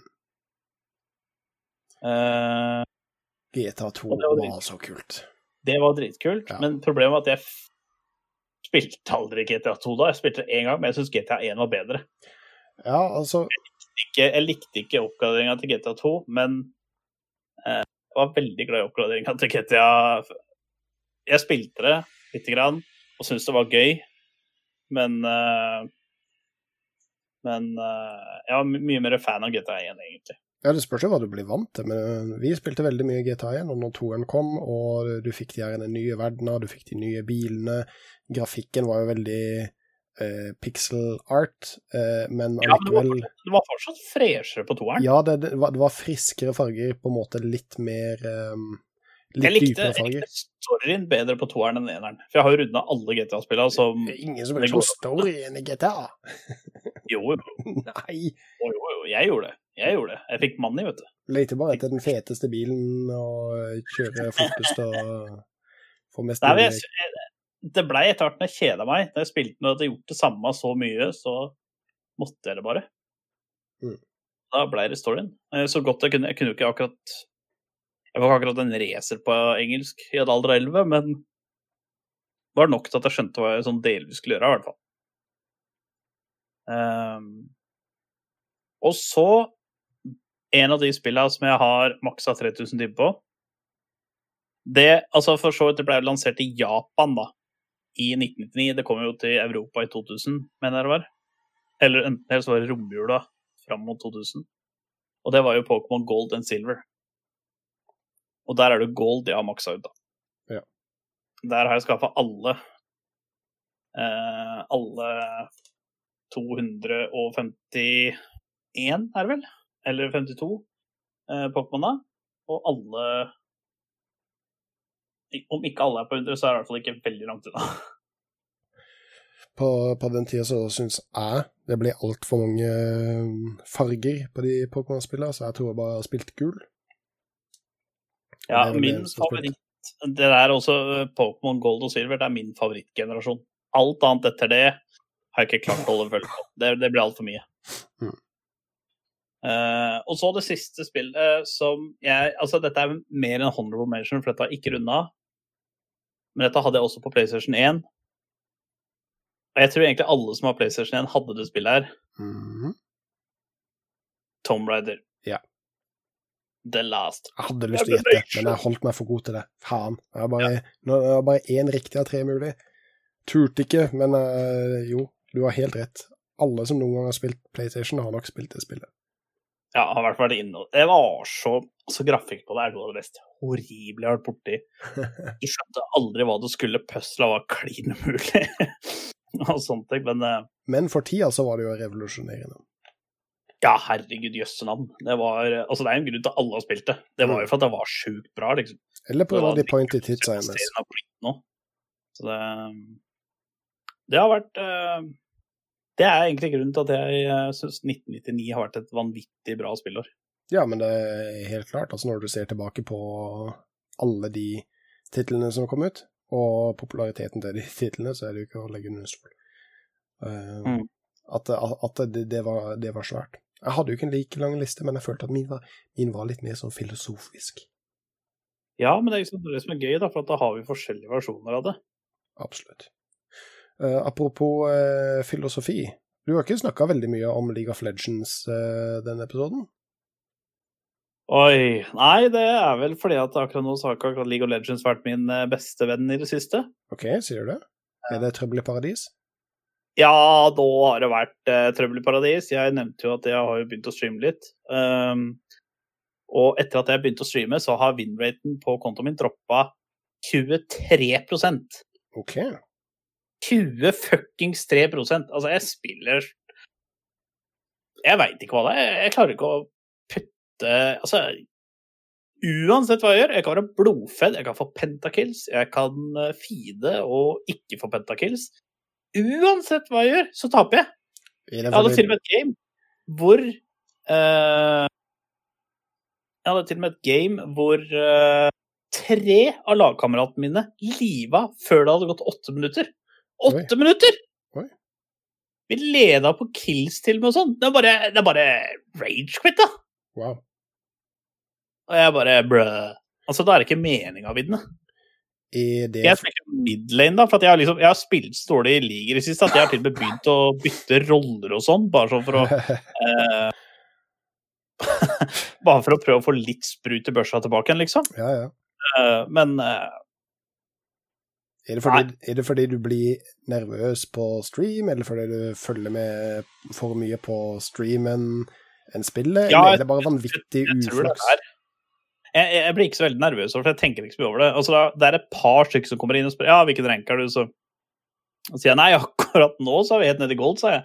Mm. Og da sa jeg ja, ok, ja, lykke til, eh, håper du kommer tilbake enn de du var, og sånne ting. Mm. Så jeg, jeg har vært veldig heldig, jeg har ikke fått i sånn derre uh, rasshøl, for å si det sånn. Eh, og bare sånn for å være sånn helt uskyldig og helt tilfeldig. Chich TV slash Gudly. Eh, så eh, har egentlig hatt hyggelige folk der inne og, og sånne ting. Eh, gjort noen bra plays. eh, men klarer ikke å vinne. Uansett hvor bra plays gjør, så klarer jeg ikke å vinne. Mm. Så enten så er jeg må jeg bare spille masse mer for å få opp winraten, eller så er det det at jeg har blitt trash. Og det Altså, alle har eh, best før-dato. Kan hende at jeg har nådd min best før-dato. Nei, det, det Eh. tror jeg ikke. Det, det høres jo ut som du er i en sånn rut, hvor på en måte absolutt alt sammen du gjør, bare blir, eh, blir feil. Av en eller annen grunn. Ja, jeg tror det, fordi uh, Jeg tror jeg bare er på en hard lose. Altså, jeg streama 11 games og tapte alle 11. Ja, det var jo flaks at du valgte å streame den dagen. Det var liksom, og det var ikke det at jeg som feeda. Altså, det var jo Jeg gjorde mest damage i flere Ikke alle gamesa, selvfølgelig, men i flere games jeg gjorde mest damage. Uh, uh, hadde mest farm, hadde flest kills og alt det greiene der. Men det er liksom sånn uh, Og andre games så var jeg minst. ikke sant? Det var dårligst. Da ble jeg jo smadra. At det har vært sånn der 4v2 på botlane og alt det jazzet der. Så det varierer litt. Jeg tror jeg bare må spille mer for å få snudd det. Og prøve bare ikke å tilte. For at, eh, altså jeg har ganske I og med at det er en hobby som krever eh, litt mental styrke, så har jeg ganske lang liste før jeg begynner å tilte. Men altså, nå har jeg vært i nærheten, altså. Har jeg sånn begynner å bytte roller og sånn, da veit du at da er vi på det siste verset. Ja. Da får man ta seg en liten pause og hente seg en øl istedenfor. Finne på noe annet. Ja, det har jeg gjort, og da har jeg streama Rocket League, og jeg ble platinum igjen. Ehm, så det ble og ble degradert til gold igjen. Så det Losing streaket bare fulgte meg til Rocket League. Ja, ja, ja. Ehm, men det er flott. Det er moro. Det er jo sånn som må til. Vinn som, lose som. Akkurat nå så er jeg veldig flink til å bare lose som. Nå har jeg 32% winrate på streaming-accounten min. Mm. Det er ikke bra. Men det, snur seg. ikke med tanke på at jeg bare er i gold. Det så er det kjempekrise. Det er, hadde, hvis, jeg, hvis jeg bare spiller i gold, så bør jeg ligge på sånn 70 mellom eh, 60 og 70 winrate. Eh, nå ligger jeg på 32, eller hva faen det er for noe. Det er jo helt krise. Mens f.eks. for eksempel en kompis av meg, han eh, har jo bytta rolle og spiller AD-carry nå og sånn, og han kan jo gå 0-17 i lane og fortsatt vinne. Altså, han trenger bare å være der, så vinner han. Oh, ja. Er Bra Trenger ikke navn, og det skal jo selvfølgelig absolutt ikke handle om det, men uh, han tilte meg litt. Jeg tviler ikke. Um, apropos tilte, har du lyst til å fortsette å være litt uh, sinna, eller vil du eh, Ja, vet du hva, det kan jeg faktisk gjøre, for nå er jeg rett i mooden for å bli sinna. Skal bare ta meg en god slurk med en lunket øl? Nei, vet du hva, jeg, um, hun som um, jeg uh, gir litt DNA til, hun um, kom inn med en ny og kald en, men hun hadde åpna den uh, på kjøkkenet for at hun ikke skulle bråke når hun kom inn hit. Åh, så, Så- omtenksomt. Så den er faktisk veldig kald. Det var veldig godt. Så nå kom jeg egentlig i feil humør for å rante, men det, det får nå gå. Eh, det har jo vært eh, Dette er i Fortnite, alle mulige ting. Eh, det har jo vært eh, mange mirakuløse ting som har skjedd i Fortnite i det siste. Ok. Eh, den ene er at jeg har fått en kompis som heter Morgan til å begynne å spille det. Han har alltid hata det, men han har en tendens til å hate ting før han har prøvd det. Mm. Uh, og det er jo sjelden en bra ting. Uh, og nå liker han jo faktisk uh, Altså, jeg vil ikke si at det er favorittspillet hans, men han spiller det fra tid til annen. Mhm.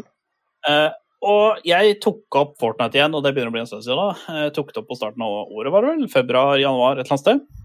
Så tenkte jeg bare, vet du, vi tar et par spill. Vi river et par spill, ikke sant? Og ja, forrige podkast snakka vi om at jeg faktisk begynte å vinne litt. Altså, Jeg har jo fått sånn ti wins under beltet og sånn. Ja. Selv om det var mot bots, så er det en prestasjon, det. Ja, altså, det var sikkert et par bots der. Det var det. Men jeg vil jo også si at det var et par spillere der. Ehm, men så For at uh, jo mer du leveler opp, jo bedre motstand møter du. Var det før. Mm. Uh, og så er det sånne store content creator og sånn som driver mjauer om at det er så dårlig å ha skill-based matchmaking, for i Battle Royale så kan du ikke ha det, men i alle andre spill så er det det. Mm. Men uh, i Fortnite så kan vi ikke ha det, for da kan vi ikke stompe kids lenger. Nei. Og det er jo teit, selvfølgelig. Um, så da har jo eh, Epic Games fjerna skill-based matchmaking. Ja, det er jo helt sjukt tragisk. Ja, Og jeg da, som liksom er på ja, bare, Hvor langt har jeg kommet på det season passet? Kom på level 50 og et eller annet. Uh, begynner å møte en som liksom bygger 17 hotell før jeg har fått opp tre vegger, liksom. Mm. Uh, det er ikke noe gøy. Nei, Nei, vet du, det er faktisk ikke gøy. nei, jeg er helt enig. Det er, det er Jævla kvalm. Det er disgusting. Altså, de første matchene du spiller fordi at jeg så på en kompis av meg, første gamet han spilte, så vant han jo. Men det var jo for at da var det bare bots. Eh, alle vinner sitt første game. Jeg gjorde det. Eh, de fleste andre jeg vet om som har spilt det i nyere tid, har også gjort det. Eh, og han spilte jo bra. Han spilte faktisk, han spilte faktisk bra, for at han carrya teamet hans. Eh, men de fleste pleier å vinne første game de spiller. Eh, og så kan du fort vekk vinne et par til, og så er det stopp. Da plutselig møter du på dritgode folk. Eh, hvorfor kunne det ikke vært sånn som på Apex, da? At liksom, der møter du Altså, Sånn som der, så er jeg på lav level. Jeg tror jeg er på 20 eller noe. Og der møter jeg folk som er rundt samme level. Eh, og samme skill. Det er jo Du har occasional så har du en såkalt smurf da, som er på level 10 og har 400 kills. Nå skjønner du at da har han spilt dette før. mm. Ikke sant? Men uh, sånn Fortnite da, det altså Bare for at eh, sånne folk, uh, fulltime-streamere, ikke skal svette hver gang de møter på gode folk, så er det liksom så er det så teit at man fjerna skill-based uh, matchmaking. Er bare sånn at de kan smurfe på kids. Ja. Altså, Det er det er så crybaby. baby. Ja, ja, absolutt.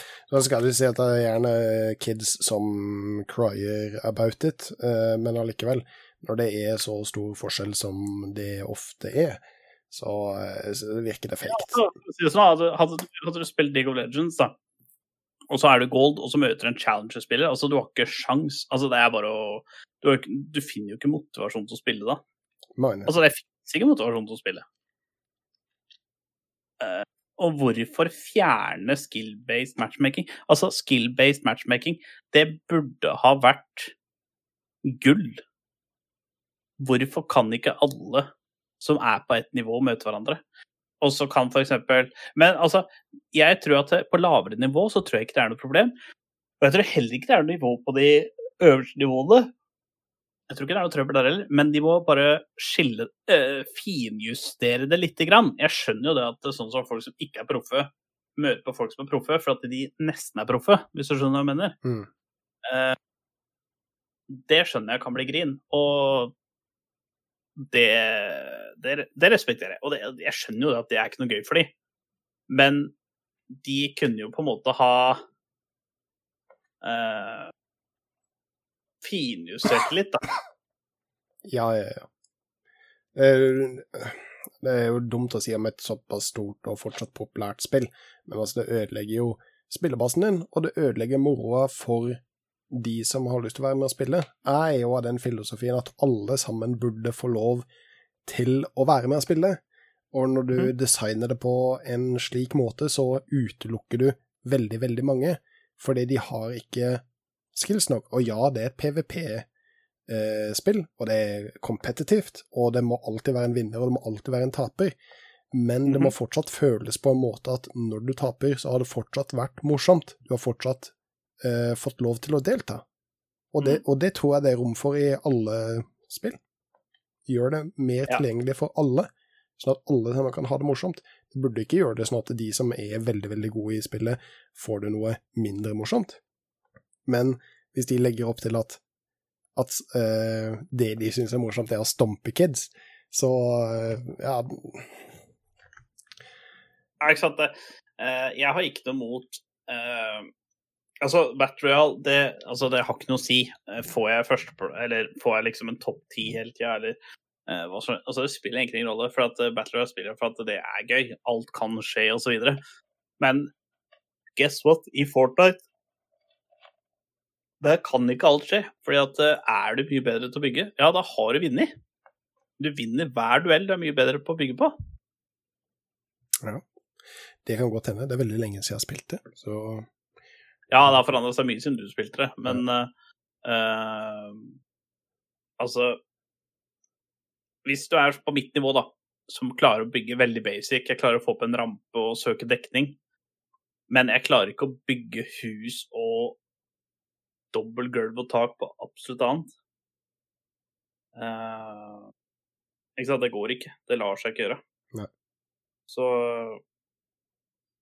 det er eh, Jeg syns det er veldig feil at de fjerner det. Mm. Det burde ha vært sånn at det nye altså, Det burde i hvert fall vært lettere for nyere spillere å fortsette å spille. Mm. Det burde ha gitt en liten pekepinn på at nye spillere skal fortsette å spille. Eh, gir en så bratt læringskurve altså, Jeg ser jo bare sånn som en duoer med kompisen min som begynte å spille det nå. Motstanden er så jævla mye lettere enn når jeg spiller aleine. Bare for Eh, det du også. Det er, for at jeg bare, det er bare for at jeg er litt høyere level enn han. Så Mm. det er liksom det er ikke snakk om mye, det er snakk om litt. Oh, ja, ja. Det skal jo ikke være sånn. Nei. Det er jo det som er teit, ikke sant. Det burde jo ha vært eh, softere, på en måte, da.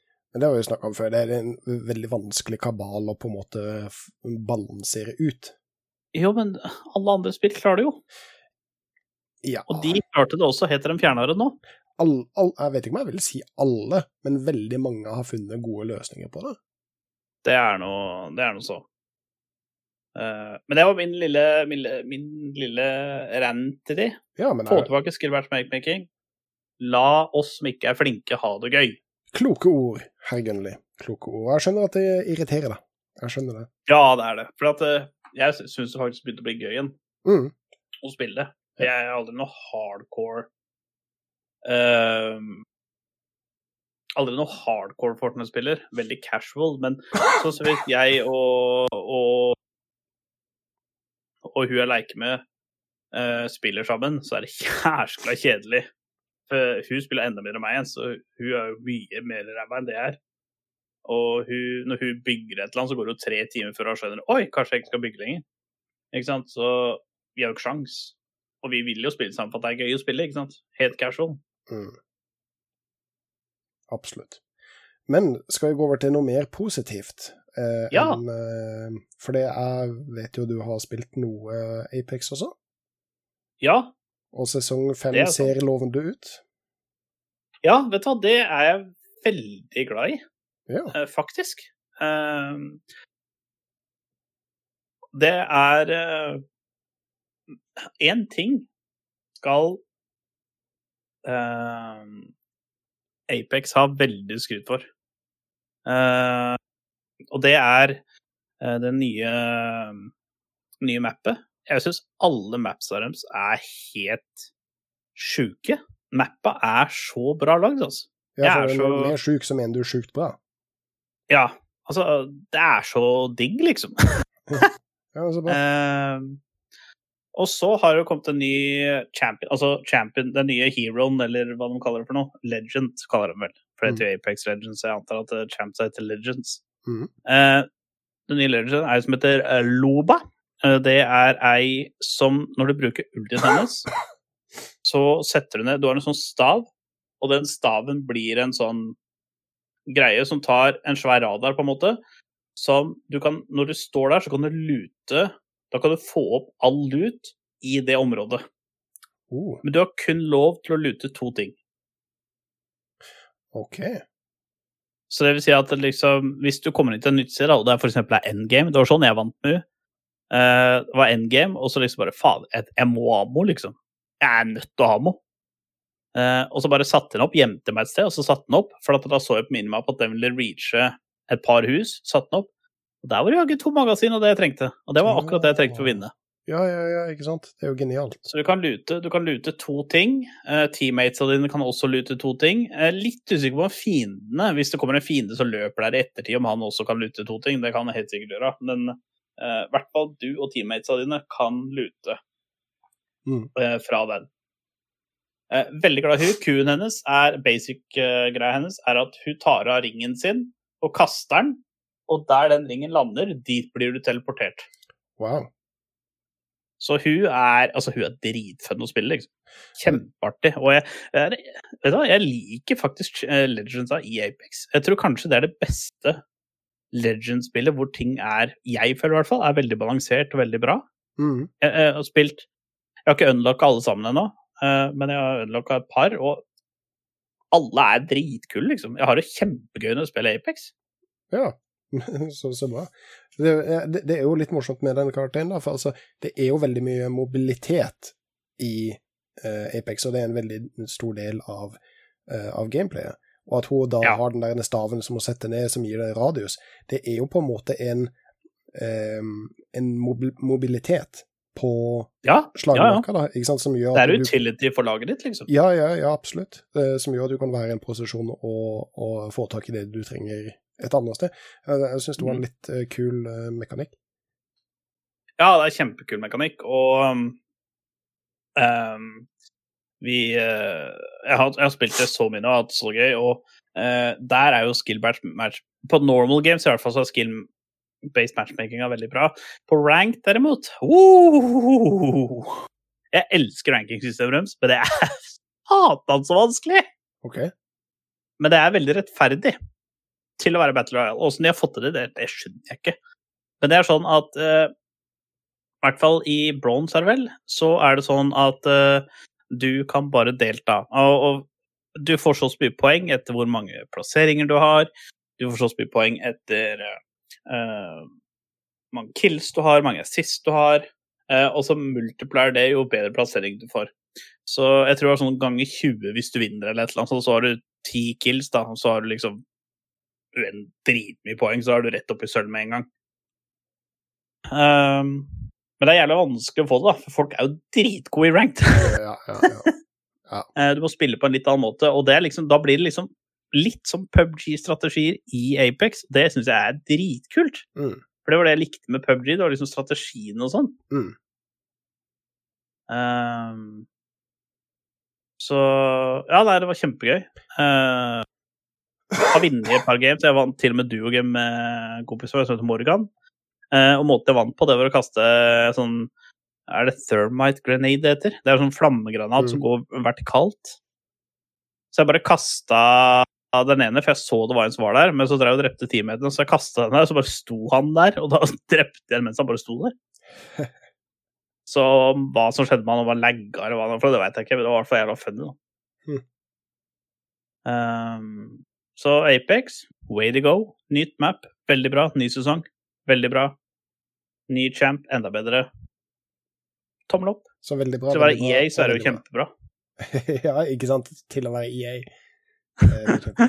Eh, vil, eh, vil Apex være tipset ditt til eh, hva folk skal eh, se eller gjøre eller game til neste episode? Um, mitt hovedtips ville vært at folk kunne ha møtt opp i League Games og gitt meg free ILO. Det hadde vært det beste. Men uh, Gå inn og feed gullet, Gilly, vær så snill. Ja, altså, folk kan bare komme og begynne å feede for uh, Ja. Uh, Apex, absolutt en, uh, et spill jeg vil anbefale. Eh, en serie jeg vil anbefale, det er eh, The Innocent Projects eh, på Netflix. Eh, det handler om folk som blir putta bak lås og slå, som absolutt ikke skulle ha vært der. Ja, det, sånne programmer kan ikke jeg se, for det, det, det, det gjør meg forbanna. Og Ja, men det gjør meg forbanna òg, men jeg, jeg, jeg bare 99 kommer jo Det er så USA. deilig når rettferdighetene faktisk vinner. Ja, det, det kan du si hvis de gjør det. Og Men de skulle aldri ha vært der. Altså, det er, så sitter jeg 14 år på death row og liksom bare ah. Og så var det sånn derre eh, På første episode eller sånn, da, så er det sånn derre eh, såkalt dentist expert som sier at ja, dette er et bitemerke. Men ja, du klarer ikke å få til et bitemerke bare med toppsida av kjeven. Du må jo ha under- og overkjeve for å få tross alt bite. Men ikke følge han! Nei, nei, nei. Og så viste det seg det at nei, det var ikke så bitemerke i det hele tatt. Det var, det var crawlfish som hadde begynt å bite på det, for det var sånn derre eh, De hadde blitt dumpa i elva, ikke sant? Det var sånn Crawfish. som hadde drevet bitt i, og det hadde han fått til å bli to bitemerker, og da hadde skrev rapporten at det er ingen som helst tvil i verden om at det er denne personen som har gjort dette på den personen. Ja, ikke sant? Og disse Ah. sakene kommer fra USA og har sett så mye true crimes og så dokumentarer om making a murder og alt sånt der. Og det er så mye i det systemet. Beklager amerikanere der ute, ikke beklager. Eh, Det er et Ja, fucka I'm sorry, not sorry. Ja. Det, er, det er et system som, eh, som jeg ikke er liker. Ja, ja det, er det, er helt på kanten. Det er helt krise. Ja, er det. Eh, Nei, så Men jeg, jeg syns det er en bra. Og så er det jo miniserien Hollywood okay. på Netflix, vil jeg også anbefale. Hva er det? Det er eh, Det er vel tilbake til Ja, det er ganske tidlig. Er det 30-tallet eller noe? Ok. 30 Ja, det er vel rett etter første verdenskrig, er det ikke det? Har. Enten rett etter første verdenskrig eller andre verdenskrig. Det er en av de to. Ok, ja. Uh, og det er liksom da unge såkalte skuespillere da, som skal komme til Hollywood og bli store som alle andre, og så må de kanskje Ja, for å si det sånn, for å bli stor stjerne, så gjør de ikke akkurat det de forventer dem å gjøre. Men det er faktisk accurate at mange måtte gjøre sånn som dette. Mm. Uh, så anbefales absolutt. My, mye casting couch action. Ja, altså for uh, han ba, Altså, det er ikke noe spoiler, men uh, bare for å si hvor dette drar hen, så er det ehm, De jobber Han ene får et jobb på en bensinstasjon, og hvis kundene sier 'take me to dreamland', så er det ikke å fylle bensin på bilen de må gjøre, for å si det sånn. OK, skjønner. Så det er er det noe å fylle, fylle på noe annet vis. så det er ikke en serie du skal se sammen med tanta di? Nei. Eh, altså, du, ser jo ikke så veldig mye, da. Men det er en del kjente skuespillere. Sheldon Cooper, blant annet. Eller ikke han heter jo ikke Sheldon Cooper, Nei, men, men, han han heter Sheldon Cooper. ja, ok, da. uh, han er der. Mora til uh, uh, Two and a Half Men-folka. Å ja, Hun hun, ja, ja, ja. Hun er der. Så det er mange, det er mange kjente fjes der. Altså. Veldig bra serie. Tøft. Hvordan man skal make it hot in Hollywood. Mm. Så det det vil jeg anbefale. Har du noen, eh, har du noen uh, smukkere tips for uh, når vi kommer tilbake om to uker, når vi faktisk gjør det denne gangen? Ja, og da håper jeg for guds skyld at uh, timinga vil være perfekt. Uh, Ja. Tidligere historie vil nok vise at det ikke blir slik, men eh, for dere som eventuelt har hørt flere episoder, vet at jeg er veldig, veldig glad i Frankie on PC. Mhm. Og han har jo vært borte i iallfall tre år nå. Ja, det er lenge.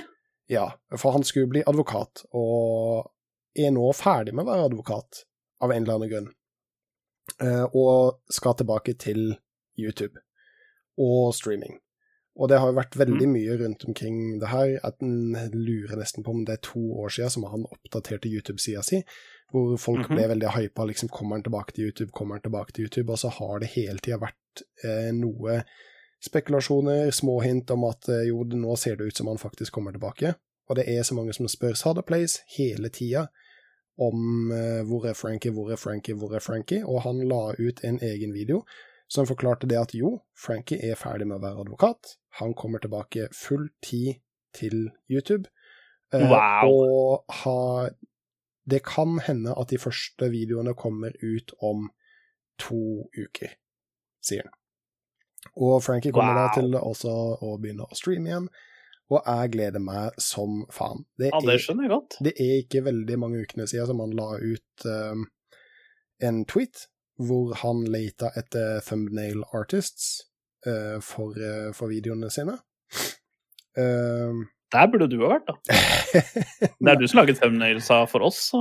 ja, men uh, jeg vet ikke om det kan på en måte kalles original content. Jo, jo, jo, dette her det- er top notch. Det er jo veldig mye copy-paste inni bildet der, så, så jeg vet ikke om, om det hadde vært noe for meg. Men jeg setter pris på det uansett. Uh, Ja. Han kom jo også med det som han i ettertid kalte en teststream, hvor jeg var på jobb, og plutselig så fikk jeg notifikasjon om at Frankies Hideout er nå live på Twitch, og jeg slapp drill og børster og batterier og alt jeg hadde i hånda, bare ut på gulvet og sjekka opp på telefonen, og plutselig så var det nesten 10 000 eh, folk som drev og kikka på denne streamen da. Men Ja, det, vet du, det tviler jeg ikke et sekund på, for folk har venta lenge, altså. Ja, og det var sikkert samme reaksjon som jeg hadde også. Men eh, det var jo ikke noe stream. Eh, Han sa det at det var bare en teststream for å se på bredden på båndet for eventuelt framtidig content. Og alt dette til sammen nå, og det at Frank eh, Rettelse Sada Place går ut og så sier det at kanskje om to uker så vil de første um, videoene begynner også å komme tilbake. Og da sier Sada Place at det vil være i altså Netflix eh, filmkvalitet. De har brukt så lang tid på dette.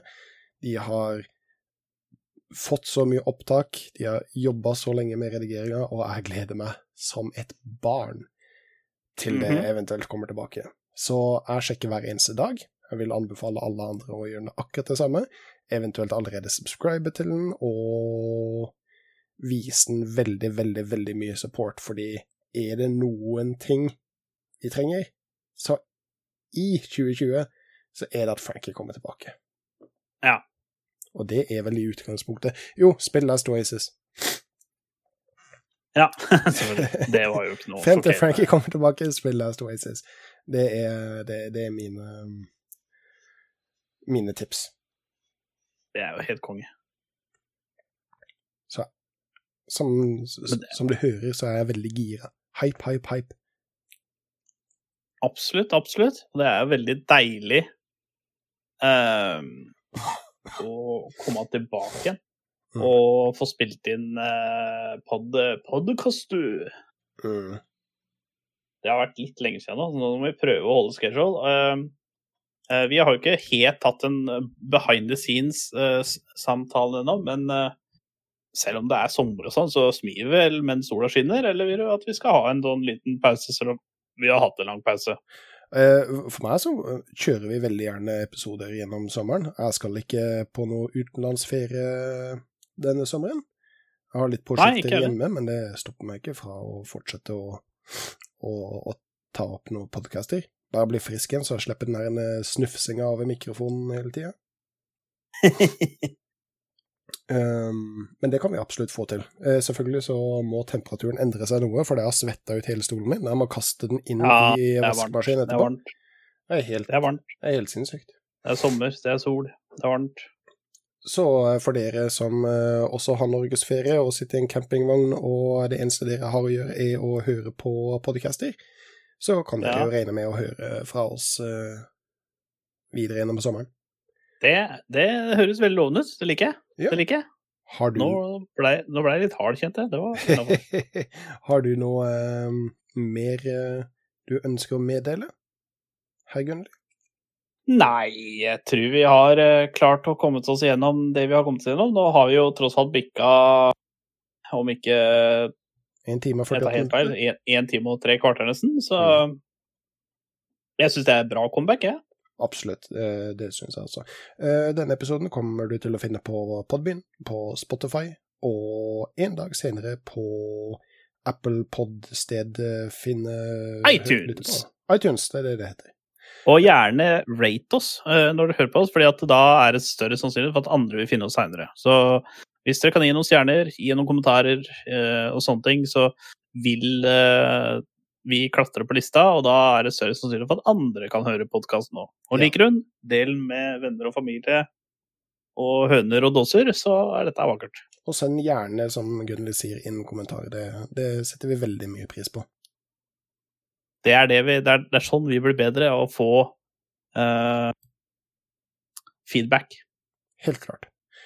Så hvis det ikke var noe mer da, så eh, sier jeg takk for meg. Jeg er Bob Rob. Og jeg er Gun-Gun. Vi høres. Det gjør vi. Hei hå!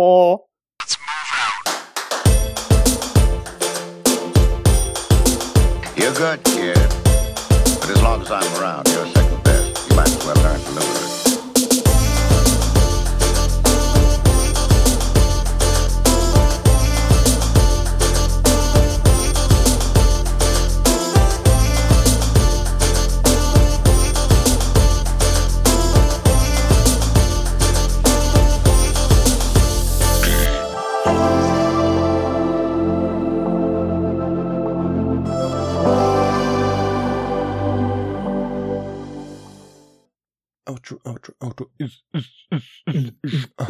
Jeg fant jo ut det helt på starten av episoden, at hvis jeg muter meg sjøl, så muter jeg også deg.